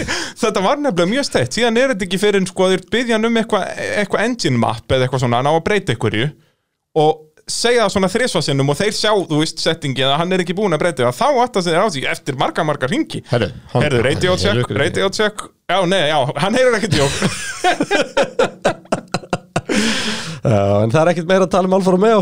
Nei, Það er bara nei, Kimi þú veist. en drullaðir inn á YouTube og horfðu á hana hring. Já, hann er það, geggja sko, ef það er eitthvað hlustandi núna sem er ekki búin að horfa á þetta að þá bara skam, þú áttir að horfa á þetta þegar ég sagði þér að gera Þetta er geggjað, sko. Þetta er dásamlegt Herra, áfyrir við Haas, jú, jú, jú, eitt sem ég ætla að bæta við Alfa Romeo Þeir eru búin að tryggja sér, eh, myndi ég segja, að vera bestir af liðlegustu Já, er það Þeir ekki? eru toppurinn af þessum síðustu þreim Þeir eru með fimm stig og Haas Eftir með þetta þrjú. hætti að vera spurningum hvort Alfa Tauri voru bestir af liðlegustu eða liðlegastir af, af millinu, miðinni Þeir eru, Alfa Romeo eru klálega bestir í Formúlu 7 Já, um, Haas þar á eftir, ég var nú að lýsa þessum áhugaverið vandamálum en uh, Grósjan svarar heldur betur uh, því að vera reikin og næ Já. bara í tvö stig. Böhum, já, er rock það ekki bara solid. fyrstu tvö stigin á svo árunni? Jú, en það ekki, ég held það. Haas með þrjú stig, hann var náðu tvö Magnússon var búinn að fá eitt. Átjón tímatökum, Grósjan níundi í keppni Magnús er nítjóndi í tímatökum og þrettundi í keppni. Og uh, Grósjan gera þetta meira sem með 5 sekundna refsingu fyrir, fyrir að fara ofaft utan brautar. Já, það, við sáum mikið af því þessa það helgi voru fjórir held ég. Það var hérna Stroll og það var Magnussen og það var Kvíant Nei, það voru sannlega bara þeir því, svo voru Já. nokkri sem fengur svarkvitt flagg sko. Já, alveg Norris þó nokkuð. Sest, reglan er þannig, ef þú gerir þetta þrísvarsinnum að þá færðu svart kvitt flagg Nei, við getum tvisvar. Er það Strike svolítið? 2, black and white, strike 3 Refsing, ok, god damn uh, En, já Ól segur Grósjan og, og Magnúsen líka alveg með svolít helgi svona þannig séð. Gerði ekkert heimskulegt. Sem er magnað. um, Já, bara loksið bara reknur Já, það, það þurfti ekki meira til. Uh, Williams um, Russell 14 tímantökum 14. keppni, Latifi 20 tímantökum og 18. keppni, fyrsta steinti á Russell var bara fínt, komst upp í 10. setið og um, en í setna stoppinu lent hann í hægu stoppi og kláraði 14. það var ekkert mikið meira Sko, Russell talaði um það eftir keppni Þetta var hans besta keppni besta helgi, réttar að sett Það hann var hann að svolít, kemst upp í Q2 og fannst sér, já, fannst sér standa sér mjög vel í keppni Já, klálega, Russell var góður og það er náttúrulega fáralegt að í silly seasonu sem ég var að tala með að fara að henda honum út en það er önnur það, við förum í það á eftir Magnað að Latifi, ég setti nú nokkra dólar á að hann myndi vinna sko. það, það er bara svona sögulega átti það að gerast á Williams nr. 6 en ótrúlegt það var hann ekki Williams nr. 6 í, í Portugal Já, já, í síðustu tvær keppnir varst ekki að hlusta svo þetta heldur? já, það er rétt. Í síðustu tveimur portugalsku köpækturnum og þá vann Williams bíl með rás nummer 6 Já, en já. þá var náttúrulega reglunar þannig að þá var þetta bara eftir stöðin í keppni keppni bílasmiði bílasmiða, já, frá já. því fyrra. Þannig að það er mjög góð tilviljun að Latifi valdi sér nummer 6 Já, en vann ekki sem er skellur sko. Já, og, en var hálfsbreytt frá því, endar átjóndi. Já ekki, ekki langt frá því. Nei. Uh, Er þá komið að þessu hér? Eigum við að skella okkur í spáldómskeppni Pitsins. Ætlar ekki að búti jingle fyrir þetta? Ég þarf nefnilega, ég hef kannski fyrir næsta þátt að ég hendi trailer. Það verður gaman ef við gerum bara svona, svona mót milli okkar. Já, nú sko Ég, ég, ég kom ágætt út úr þessu. Það er rámt, Kristján. Nei, ég Þú- ég sagði að Hamilton myndi ekki vera á palli. Hvernig virkar spátumskeppnin? Hver er bestur? Henduði út um þér. Meðan að B-hundurinn uh, kveldgeir Ég virði hann að spáta Takk þér Svissaðu Albon og Peres. Og ekki mikið setna en núna. Peres og Albon? Nei, kemur ekki til mála. Jú, það er spátámskeppnin góða Kristján Ég, ég Einar. ætla að segja það bara leið Á Á Á svona fymtaring Já, Þá allt í nú sem með Bittu, bittu, bittu, bittu Strollir í fymta sæti Já, já, var- Sænsir í fyrsta sæti. Og það er ekki artunum svolítið fyrir utan. En ha B-selurinn maður, er B-hundurinn B-hundurinn. Hann er með uh, Hann er með Peres sem er bara úti. Já, og Norris Og Norris, já, og- og við erum báðum með Rikki Ardó Þannig að þetta verður ekkert mál. Já Haltu kjafti hvað ég þóldi ekki stról hann á tímubili Og ég var svoleiðis að elska að sjá Peres fara upp í gegnum eh, allan pakkan. Þú veist, Ég opnaði með þess að skjalið góða Já, sem það- við höfum vitnað í til að tjekka hverja ég væri með. Því að mér myndi að þetta væri eitthvað Mér myndi um að ég væri með stról Nei, ég væri með Peres. Akkurat, Þannig að akkurat. svo ánæði bara, nei, ég er með Nei, ég er með gekkja Þannig að staðan er þannig Þú spáður stról í, í bestáður rest Þannig að það eru mínus 16 þar. Uh, Svo Rikki Ardó, það eru mínus 4 þar Og hann endaði bara hvað níundi. Svo varstu með Sainz í sjötta sæti Og hann endaði í sjötti Þannig að það er 0 þar. Á ég þá ekki að gera eitthvað BAM eða eitthvað hannig Var það ekki Jú, eitthvað gerðu að það. gera eitthvað? BAM? Vá, djöðl var þetta gekkja uh, Þannig að það er mínus 20 á þig Þannig að þú ert komið með 187 í mínus. Uh, Sko þetta leit ágæll út hjá mér En ég var bara búin að gleyma hversu Norris Sko hvað hann var hrikalega liðlugur Þannig að ég er sko Rikki Ardó mínus 5 Þetta er út á stról. Já, já. Ég, ég hugsaði þetta, já, hann tók allavega Hann út tók alltaf út, ég segi það, hann núlaði þetta út Svo er ég með Peres rock solid, það er mínus 3 bara þar Og svo Norris er alveg mínus 7 Þannig ég fann mínus 15, græði þá 5 á þig Og þá er ég komið gott fóskot sko. Ég er núna á 163 meðan þú ert með 187 Já, Þannig er er náttúrulega lagsta skor vinnur. Þetta er þú, þú ert vantlega búin að undirbúða fyrir einmála það ekki? Jú, ég er nefnilega sko, ég gerði mjög gott tricks í skjælinu Und að ég skrifaði það með hvítu letri Þannig að þú sjáir það ekki. Við. Þú getur það til að sjá Jöfullin Bara bing, bara boom. Vá, vá Þannig Þú að ætlum að vera með bara nákvæmlega sama og síðast nánast. Ég er með Peres, Sainz og Rikki Ardó Já. Sko, Og- ef við horfum aðeins einmála og ræðum aðeins bara Ræðum aðeins einmála áður en Já. við fyrir að spá. Tökum, ég, ég er til það. Hröðbraut Mjög hröð Við vitum reyndar ennþá ekki sko, hvort að sest, þeir sem þekkja ímóla þá er svona chicane. Svona hraðahindrun eða hva- hvað er gott íslenskt orðið við chicane? Siksak, klikkur, já. Sest, uh, fyrir ráskablan sem var alltaf í gamla daga það er búið að taka það í burtu núna allavega fyrir þess að bílareis, fyrir eins og GT3 og, og þessi reis sem er að keppa bröndinni en fyrir mótorhólinn er ennþá chicane hann þetta staðar, við vitum ekki hvort það er muni keira þetta chicane eða ekki Nei. en sest, fyrir þá sem þekkja þá ef hún er ekki þá eru þeir bara í botni frá síðustu vinstri beigju að Tomborello frægu beigju sem að Aston, sko, sem að Aston. Senna Já, ég, en allavega, þó að þetta sé ekki En það er ógæslega að fyndi hvað við finnum ekkert um layoutið sem á að keira Já, Við bókstallega leitum að þessu fyrir já, keppni við googlaðum eitthvað aðeins uh, En Já, hérna, alveg svona þrjár sekundur já, þrjá fjórar jafnvel. En uh, hvort sem að þetta verði ekki, Ég mjög held að hröðbraut. message í fyrst seti Bíddu, Og ég held að wow. koma með Red Bullar svo eh, Red Bull einn Já, á eftir þeim. Verstappen. Á eftir þeim Akkúrat, Jafnvel á milli þeirra. Nei, nei, en hérna um, Já En sem Um, sagt, já, mjög hröðbraut Hvað hva hefur meira að segja um ímóla? Þú keftur aldrei þarna ha? Nei, ég hef aldrei, aldrei kert einmála. Því miður. Um, Sko Þetta er old school braut. Er Síðast keft þarna old 2006 og, og allstað gras og malagrifjur og, Já, svona ekkert ósvipaður fílingur og fengur bara Mugello Svipað um hverfi og svona, þú veist. En þessi braut er frekar þröng. Það er Já, sagt- Mugello er það líka Já, ég held að þessi sé þrengri ef eitthvað. Nei Ég man allavega sko svo þröng. Já, reyndar. En þú veist, eins og keppnar Ég veit það að þessi keppnar eftir að vera drefleðileg Sérst keppnin sjálf. Já, tímataka verið Já en, Og sko það sem er náttúrulega svo merkjöld við þessa keppniselgi er að við fáum bara eina æfingu fyrir tímatökur Já, það er beautyðið við þetta allt saman. Klikkað sko. A- a- Þannig að minna data fyrir liðin sem að nú þegar hafa ekkert data. Hversu hissa er þér á að Hamilton myndi þræfa í þeim aðstæðum? Ekki neitt Það er bara, þetta er akkurat Þetta er uppskriftin sem Bottas vill. Já, Hann fær, fær tímatökuna sem P2 Já, og fær svo keppnina sem P3 já Þannig að það er- góðu punktur. Hann ætti að vinna. Ætti að rústa þessu. Já, já. Hann er aldrei fyrir að gera það samt. Nei, nei. En hann gæti að lunnið, það er ekki máli Já, nei, nei, það Þetta er- samt svo mikið svona Hamilton braut einhvern veginn sko. Já, Hamilton náði ekki að keppa þarna samt í Formule 1 Hann, semst, Já, þú veist, þetta er það langt síðan að ég held nú að- Jú, ég held að Rækonen vinni, hann hefur keppt á náður Já, það Hann er sennilega bestu, aðstöðinni um, Spátumskeppnin Sko, mér langar svo til að segja að Albon muni gera góða hluti. Þú hefur alltaf viljað segja það. Já, það, að er bara, komi... það er bara svo, það er álíka gáðilegt að segja að Fettel gerir góða hluti. Það er bara svo mikla Já. líkur og það endi í ykkur gúrku sko. Þeir eru á bara svipuðu leveli. Uh, Já Nei Hvað er Albon lélegri? Já, Er það svo leiðis? já heldur en Fettel. Já, Já, já jú, jú, hann er það reyndar, ég skal gefa það. lilli Skal Heldur þér Fettel væri ekki að skilja sem Red Bull í top 5 allavega? Hann var ekki konsistentli í fjórða Ekki séns. Ég held það. Af hverju? út af því að það er svo mikill munur á Verstappen og Albon. Þú veist, við erum að tala um að það er við erum að tala um að Verstappen ringaði Albon eða ekki, ekki. Nei, Hamilton ringaði Albon Ég held að Vestapen hef ekki náði En hann hefur svo sem alveg gert það áður sko en, Já, en, veist, Fettil er ekki Er ringaðar Leclerc þá betri en Vestapen? Eða eru þeir á pari bara? Ég myndi segja Leclerc Já, Leclerc er alveg einn af þeim sem kemst næst því að vera svo Verstappen en við Já. bara erum ekki með svarið því að við höfum Nei, bara nei. aldrei þú En veist, þú við veist, erum við ekki erum með að tala um neitt eðlilegt hypothetical. að mæla þá sko Nei, nei, en við erum líka bara að tala um Ég myndi Evo-hefði segja að Leclerc var að dóminera miklu sterkar í samherja heldur en Verstappen er að dóminera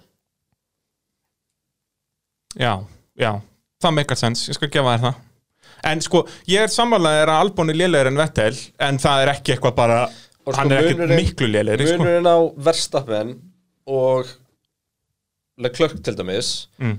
er að við sáum líka Verstappen á móti Rikki Ardu Já. Þannig að við erum með samanbörð við gæja sem okkur finnst vera eins og allra best Akkurat Þannig að þetta er svona Þetta er svona þannig. On that note ætla ég að henda Rikki Ardu nummer 4 All right.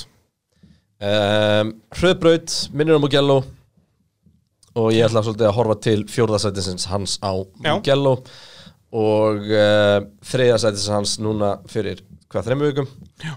og segja að hann verði mættur aftur. Þarna er mikill hraði og það er ekki jafn mikið svona, þetta er ekki alveg eins og við vorum á núna til dæmis sem var miklu líkar Mhm. einhverju svona Barcelona eða eitthvað hannig Og þá er mitt samaður að Runóin er ekki Þeir voru svo eiginlega vestir af þessum Formule 1.5 Já, ég held ég held að Leclerc sé að fara að klára í topp sætum af Formule 2 hana Mhm. ég þóri samt ekki að setja. Nú, er bara út í að ferri þú veist, það er bara svo hættulegt að setja ferri samt þú veist Klerk er búin að vera solid já en þú veist það er miklu minni líkur að þið tapir stig, stigum á því á að setja Sainz heldur en af Leclerc. Sainz, já, þú veit, út af þeir eru alltaf there and Já, thereabouts þú veist, Leclerc gæti alveg verið bara fyrst bara einmitt í fjóra sæta Já, já. En hann gæti líka verið ellefti, sko. Já, ég nákvæmlega. þú veist. Og hérna þannig að til þess að vera ekki á líku þér ætla að setja Leclerc. Og því ég verða að fara að græða eitthvað stig Já, þú hefði nefnilega ekki átt að skoða það sem ég gerði sko, ég, ég, Ég gaf þér það þann er löngu möguleika komið tími til að þú fara að segja eitthvað sko Já, nei, ég, ég gaf þér þann möguleika með að skrifa þetta kvitt um, Svo ætla ég að henda í, í gasli. Ú, þannig að við erum alveg mjög mismunandi. Ég tók svona safe rútið á þetta. Við förum yfir þetta ég, aftur þá er ég, ég ég, með held að þess þín er allir hann Já, þú heldur það. Þú er með þetta alltaf hreinu. Nefnir ekki að þú Ég verð sem sagt með Peres, Sainz og Ricciardo og þú ert með Ricciardo, Leclerc og Gasly. Þetta verður áhugavert, enda Já. þú ert náttúrulega bara komin í þannig stöðu að þú verður að sko. eftir í mótinu. Það að býta frá mér. En hvernig, við glemdum alveg að setja eitthvað refsingu á þetta. Eða, eða annarkvort sko vinning fyrir þann sem vinnur. Við gerum það fyrir næsta tíma Já, fáum hugmyndir frá tjatnu Nei, frá hérna. Já, það er núna Í náttúrulega, kommentarinu. út að þú ert náttúrulega orðin að það er- einhverjum 20 já, á það- eftir. Þetta er mjög vond veðmál fyrir mig. Já, Þú ég- getur svolítið bara svona valið svipað og ég og, og selt þessi höfn. Já, en þú veist, nei, nei, þá bara byrjar þú alltaf við eitthvað, já, já. Ég er samt ekki með einn bleikan Mercedes þarna. Já, og þetta er hröð braut Já, ég ætla bara að standa Já, já, það, það þýr ekkert að breyta þessu núna. Uh, Er þá komið að þessu hér? Spyrjið pittin Hver er tilgangur lífsins? Spyrjið okkur Facebook.com Skástrygg pitturinn Hvernig fór þessi formúli einlega? Er ekki allur orðinni þreyttir á þessum Hamilton? Var hann að klára bensínu sig? Hvernig verða ferrar í góðir? Við höfum svörin Við vitum allt um Formúlu 1 Jú, það eru Facebook kommentin Kristján Einar Kristjánsson. Bejum, við elskum ykkar feedback og, og endilega haldið áfram að skellin kommentum inn á uh, Facebook síðu Pitsins. Og það er minn maður uh, Patrikur Ísak Ólafsson sem að uh, byrja leikin hér uh, krútlegi pattinn minn.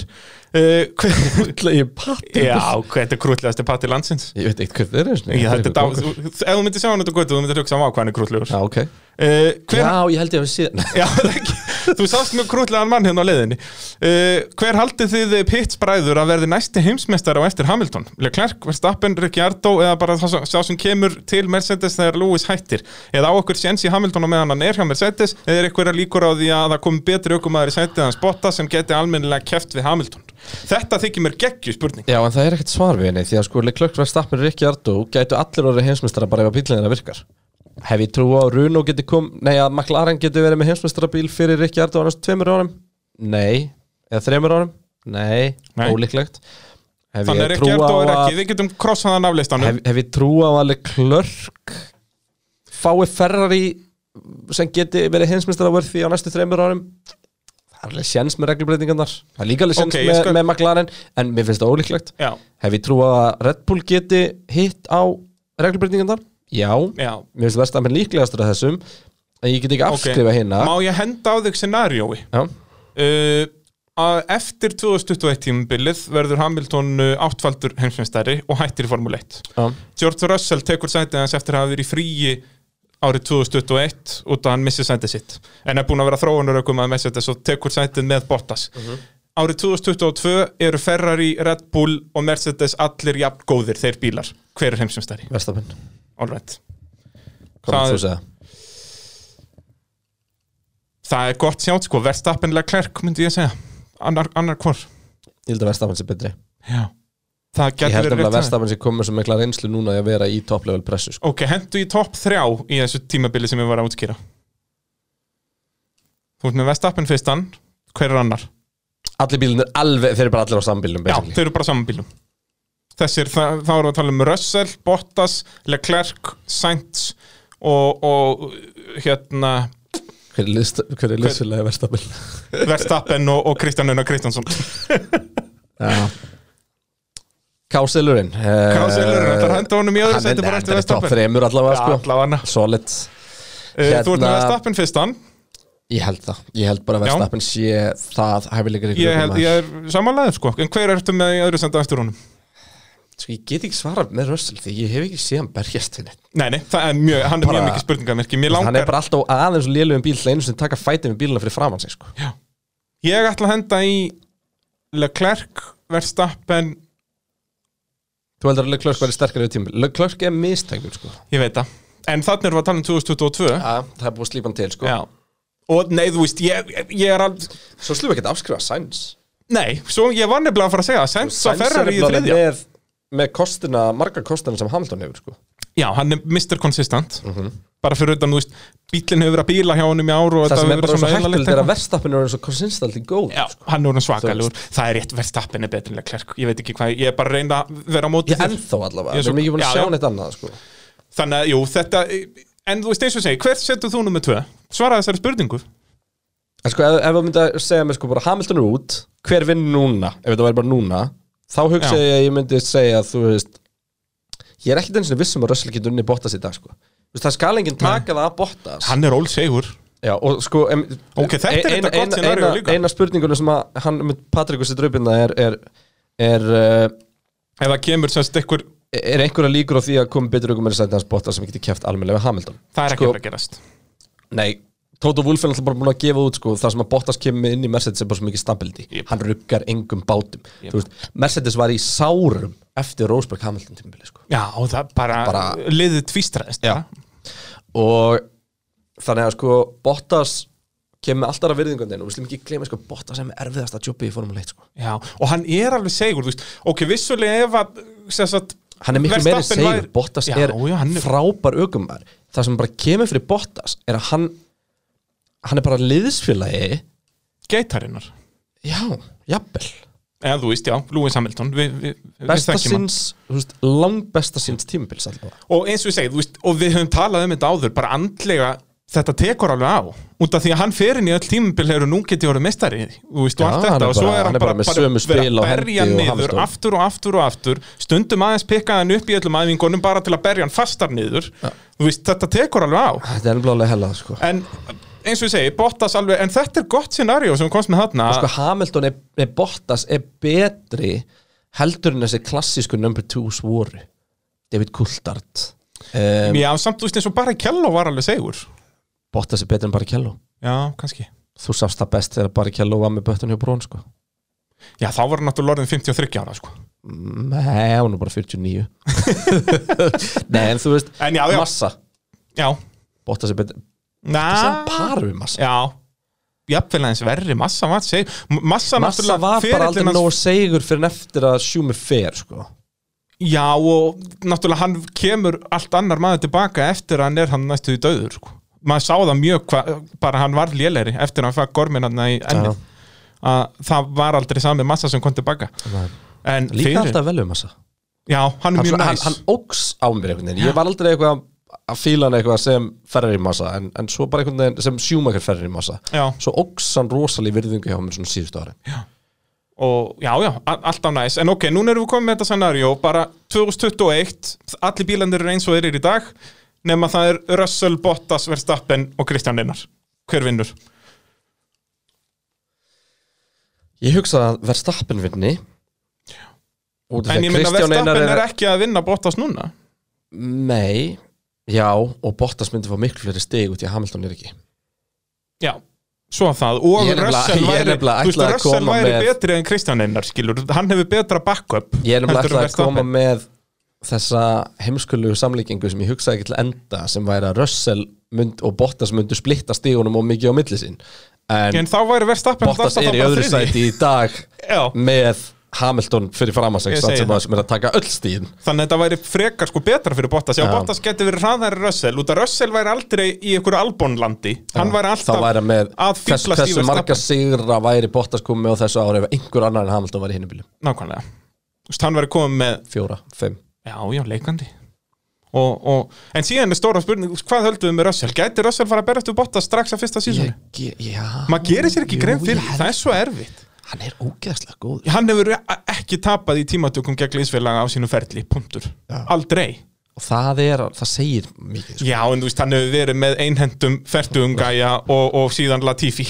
Þannig Já, að ekki, ekki því vel við kandamannin Nei, já, þú veist, Latifi, við sjáum það alveg, hann er ekki á þessum standard En já, já, ágætis pælingar allt saman Eh, Erum við búin í þessum pælingum? Eh, vi- Viltu pæla eitthvað meira, ég Kristinn? veit ekki alveg hvert meira við höfum að fara með þetta sko. Nei, Kristinn er með eh, góða spurningu, Kristinn Már Eru þið með eitthvað hefð þegar þið horfið á Formule 1? Persónulega fæði mér alltaf kaffi og kökustnið með hverju keppni sem ég horfa og það er enda ekki er það er um, Það er svo mikið að gerast hjá, hjá kásalunum að það er ekki sens að þú ert með eitthvað svona já, líka að svipa á mér sko.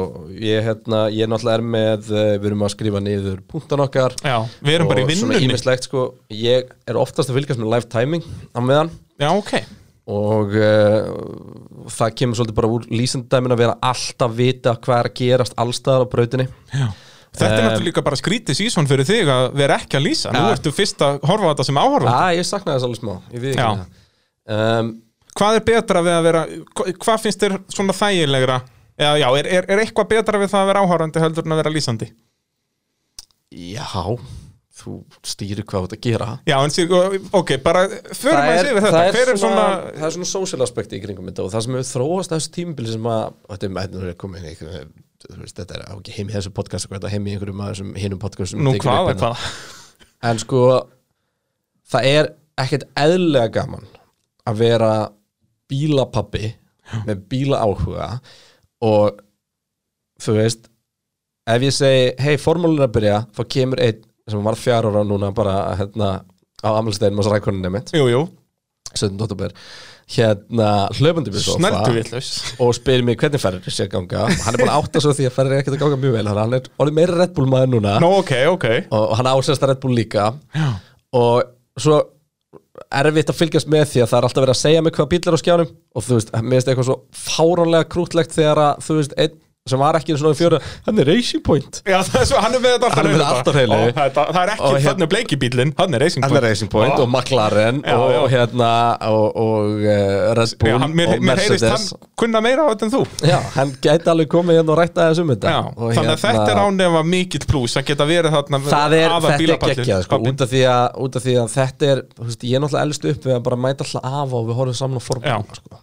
Og bara vaknundur nætur og, og það var bara, þú veist, það var serimóni Þannig að nei, ég á ekki beint einhverja svona hefð Nei, en það er alltaf símtala afa eftir alla er þetta, þetta var sko mjög fyndið að, að sko alltaf á leiðinni heim úr hérna úr útsendingum. Já, það var alltaf bara í bílnum. Já, og bara ringdi símum minn og uh, að sjálfsögðu með handfrálst allir nútum bílar eru þannig að það sjó hreinu og uh, það var afi að spyrja út í kemna Svona pælingar og, og, þarna, og ég gerir á fyrir þessi símtölu að vera svolítið löng. Já, bara allar leiðina heim allavega. Já. og síðan semst er það sem er búið að gerast að uh, að uh, núna er gamli nánastóri blindur. Þannig að ég þarf að, ég þarf að fara með honum bara í gegnum með alla kemna, hann Já, er ekki að horfa hann lengur sko. þannig að þetta er, við þykir væntum þetta sko. Þetta eru hefðna mínar Það er, sko, ég man, ég náttúrulega horfði alltaf á með pappa og eitthvað samt ekkert svona Pappi gafst mjög fljótt upp á þessu, þetta var yfirleitt svona fyrstu þrjá fjóra keppnirnar En ég man alltaf við vorum í tjaldútilegu eitthvað staðar. Þá var alltaf farið á sunnudeginum og fundið eitthvað hótel eitthvað staðar og horft á fórmúlu ah, ekki, ekki. Ég man alltaf mjög stert eftir því, sko En ég er alveg með, með svona eh, svipað og kökusnið og kaffi, sko. Ég er bara með kaffi og mjólk Kaffi og mjólk. Og, Nei, ekki, Í- nei, keks og ég. Keks og mjólk, Já, ég hef ekki, ekki, að Kaffi Já, og mjólk. nei, ég er ekki, hérna, ég er með keks og mjólk, sko, þá líður mér bara eins og ég sé fimm ára og það er dansamlegt. ah, Ég fíla það. Og, og hérna, en svo er ég náttúrulega byrjaði núna út að maður, eins og þú varst að tala um að hafa tímaskjá uppi og svona, þá er ég með þægilegt, ég er alltaf á nærbyggsónum heima bara með tvo tölvuskjáma fyrir fram að mig og get haft tíman öðru megin Ah, og eða eitthvað útsendingun onboard öðru eða megin. Já, það er náttúrulega geggja við þetta F1 TV að þú getur verið með bara onboardið úr einhverjum og bara og hlusta líka, það besta er að hlusta á live team radio meðan, Já. sem er dásamlegt. Uh, þannig að já, Sævar Már spyr uh, hver ætlar að fara að taka sér að lesa við Bottas og reyna að koma keppniskap í hann? Ekki bara auðlarlega setningar eftir að vinnur sín eina keppnu ári. Og hver líklegt er Albon síðan að fá flugmiða- flugmiðan sinn bla bla bla bla bla Ég, ég er Albon. ekki einu sinni viss um að uh, hérna, Red Bull kaupir hann fyrir hann. Nei, já, hann, hérna, hann þarf líka að til Thailand þetta er randist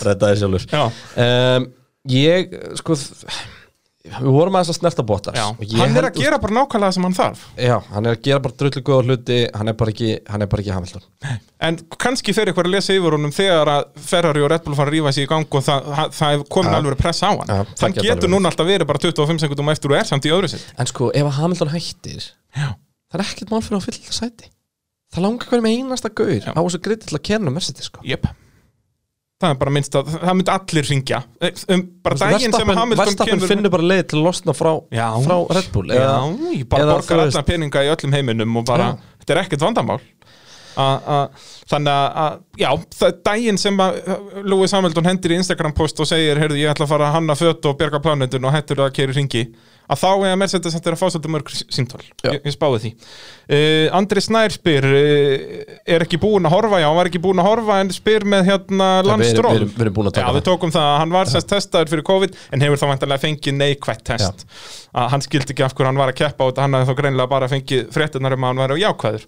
Hilmar Jakobsen spyr því líkir yfirbyrða dræfur Hamilton, hann síndi það í dag. Er ekki ruggla lenda í fyrsta og fymta sæti í sömu keppni Það það orðað og hann var búinn að ringa alla upp í fymta sæti sko. Ja. uh, hvenær ringar hann sjálfan sig spyr hann Uh, ég var að pæla, væri ekki ráð að setja Albon og Vettel saman í lið kannski á Williams, þarna er að, að tala um það sem við vorum að tala um á, hver myndi vinna þá, þá Williams fight? Fettel Já, ég hugsa það líka Williamsin myndi líka bara henda Vettel betur en, en Albon, hann- Williamsin er ekki svona viltur eins og hægur. Já, það er stórgóðað business Aron Friðrik spyr, er búinn eh, eftir þessa framistuðu? Jú uh, hversu flott var þessi braut, eitthvað sem svo hann verði regular? Held, held ekki. Af hverju ekki?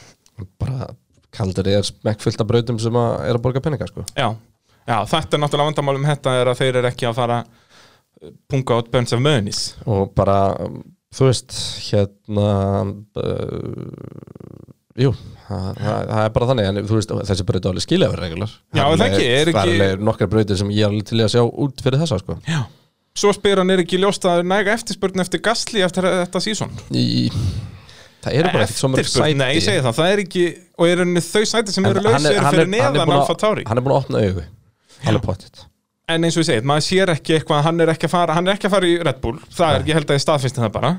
Uh, og síðan er ekkert áhugavert opið, þú veist, bara Alfa Tauriin er það segur En hann er verið bestur er það bara. þetta ekki bara ágætist transition yfir í að uh, Í silly fara yfir, yfir silly season? Ég er til það. Sko, núna fyrir helgi var staðfest að Grósjan og Magnussen er að fara frá Haas. Og uh, það eru klálega fjáraslega ástæði þar á bakvið Mhm. og, og Gunther Steiner er bara búin að segja við viljum bara gæja með talent og pening. Já. og hvaða gæjar er með talent og pening? Um, er Peres, að Peres hann er sennilega efstur á þeim lista. Já, en það er rosalega lítið að tala um alltaf Haas. Það verður aldrei við Já, hann er í rauninni neitaði því í sumar mann ég. Þá Já. kom þessi orðfumur fyrst og hann bara nei, ég hef engan áhuga á Þá því. náttúrulega var hann ennþá bara ég er með samningi og Já, já, það, það, það hefur breyst núna. Um, Sko, þeir sem eru líklegastir til að taka þessi sæti Já, hans er Nikita Mazepin.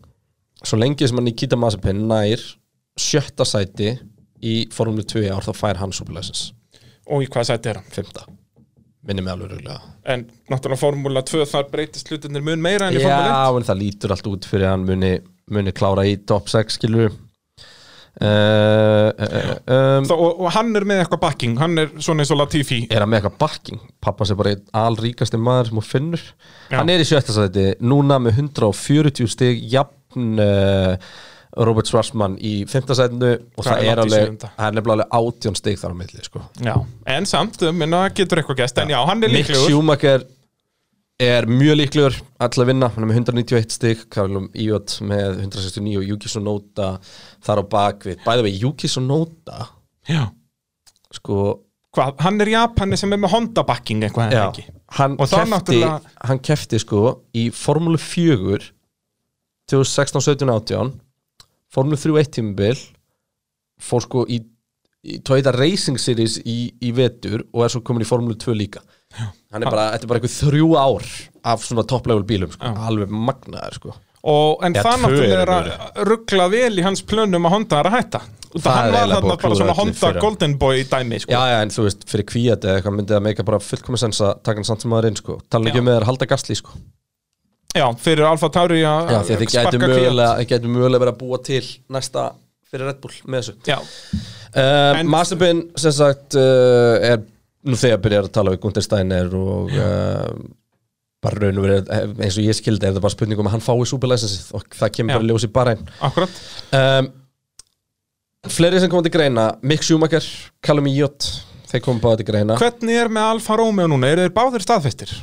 Kimi Nei, en það er alltaf að fara að líta út fyrir að líklegur Já, ég heyrði nefnilega orður á einu Gio bara orðin mjög líklegur sko. Já, sem er fáránlegt, við töluðum um þetta hérna um sko, mitt tímabil. Það er svo erfitt að dæma F2 fíld í ár Hversu stert það er. Já, Það er ekki svona superstjörnu fíld nei, nei, það er reyndar alveg reynd Þú veist, hversu góður ertu ef Og sko, það sem að Mick Schumacher til dæmis Hver hefur er að græða á að hafa Giovinazzi? Það er enginn að græða því. En það sem að Mick Schumacher hefur ekki er að hann er ekki góður í tímatökum Nei. og hann verður aldrei góður fyrir árið tvö. Þannig að fínt hendur hann í hasi eitt ár og svo kannski byrjar að færa hann upp stegan Mm. um, en allavega í, þannig að þeir svona eru líklegastir Og kannski svona með en eins og pening. Svartsmann og Illiot og þeir eru og bara, eh, svo lengi sem Mick Schumacher vinnur þá eru þeir bara neðar skilju, það er rétt. Það- Og náttúrulega þeir- Mick Schumacher já. er Mick Schumacher. Einmitt Þá um, hann Um, kemur ekki með peninga, þá kemur hann með pening já, algjörlega og uh, þannig að ég myndi, ég myndi telja þá tvo þú veist, líklegasta Já. og uh, Kimi Rækonin vill halda áfram þannig að Já. það er bara lítur allt út fyrir að Alfa myndi jafnvel halda áfram með um, Ef þeir halda Giovinazzi, það væri fárálegt sko. og uh, Ég sé engan tilgang í því, ekki nokkur einasta á Ítalið eins og líka var að tala um að Giovannizzi fari kannski vill að has og þannig Já. að þe- þessi sæti eru basically öll Þetta er allt í sama þarna. samtalenu Já, það þetta er bara Og svo spurning er hver enda hvar og hver endar fyrir utan sko. akkurat Og svo er náttúrulega getum við garanterað eittlust seti á Red Bull Albon er búinn uh, En það væri, vond, að það það væri er- svona vond fyrir Haas á núverandi stað með bíl sem skilja ekki að vera með tvo rúkja sko. Já, það væri það, væri virkilega það, sko. Að þá er væri einmitt gott að fá eitt Tjekko eða eitthvað svoleiðis en eins og segja, hann hefur ekki, meiri, hefur ekki áhuga á því. En svo kemur þessi frétt núna að Williams getur verið að Hendu út rössel já, til að fá meiri peninga. Núna Já. náttúrulega nýjir eigendur á liðinu sem vilja með nei Það var mjög stæst, ég voru að gleyma hvað hann heitir Roberts eða eitthvað sem er núna liðstjórin Simon Já, Roberts, ekki akkurat, um, Fyrir helgi var hann spurður um hérna sagt uh, um þetta speculation Já, og, og hann, hann, hann orðaði þetta þannig að hann vilja ekki setja olíu á þennan eld. Og með, með því að orðaða þannig sett hann að sjálfsögðu fullt af á olíu á eldin og því hann var ekki að neyta þessu Nei, nei, hann, hann sagði ekki bara, nei, þetta er allt þvæla. Hann sagði, ég vil ekki setja olíu á hann eld. Já. Þá ertu að gefa því skynna að sé eldur Til Einmitt. að setja olíu á. Þetta er bara, þetta er mjög, mjög skrýtt sko. En um, það svona bara kemur í, í ljós. Þetta er náttúrulega bara spurning um um, að kannski bara halda þér áfram og, og ég Wolf er alltaf að segja hann sé með plan B fyrir Já, já. Mercedes er búin að segja hann sem, þeir sem plan þá B fyrir er hann bara reserve driver. Veist, Þetta er nákvæmlega sama gerist fyrir okkon Hann bara misti væntanlega, samningin og, og, En hríkalegt fyrir Russell Hann er svo segur aukum með Já, ég veit það. Og við bara, við hefum skilað að fá að sjá hann ekstra það er fáralegt ef hann enda fyrir utan. Nei, ég held að það sé nefnilega mjög líklegt. Ég segi að það væri bara svo fáralegt Já, já, það en, en það er að fara að gerast, held ég. Út af Peres, þú veist e, Horfum á Peres aðeins hvað þetta er geggjaður pakki fyrir lið að fá. það er svona um það byrja 8 miljonir dollara með honum þegar þú ert búin að borgunulunars og hann er þrítugur bara á svolit aldri og er búin að sanna það já, og er búin að sanna það í svona sjö ár að hann er bara bestur af þessum miðjupakka. Ekki lengur sant nei ok, en sérst hann er ólsegur hann er, hann er alveg worth it sko. já, þannig að og hins segi, það er svona um það byrja 8 miljón dollara sem fylgjum þetta er bara, þetta er magnað sko. Algjörlega. Þannig að þetta myndi hjálpa William Settling og Peres er búin að segja það ofinberlega, honum langar að gera hann í rauninni segir það sama á Vettel segir, sko, honum langar að taka þátt í eitthvað svona uppbyggingu. Og þá er Williams núna með nýja eigendur þá er það perfekt fyrir hann sko. svo ef við tölum með Red Bull það sem er Já. annar laus sæti. Það er alltaf laus sæti hjá Mercedes. Já, já, um Hamilton er ekki Hamilton er já, já, hann segist til að gera á næstu 2-3 mánu og maður fyrir alltaf um að byrja næstu 2-3 mánu það er bara januar já. það er komið náðan sko. hérna, en um, uh, tölum við sem er Red Bull. Þar er Það er verið að fara að þar- sparka þarf Albon. fá- þar er verið að fara að sparka Albon, já, já, erum bara að gefa okkur það. 100% þeir vil ekki auðvitað þetta gasli Nei.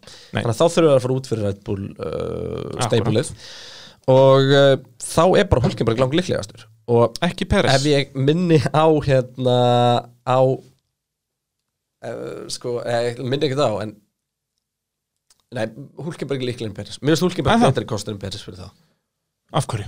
Og því að ég held að hann passi bara betur inn í Red Bull og það er svona eins og Dietrich hafi engan áhuga eða Helmut fyrir ekki hafi engan áhuga á Peres.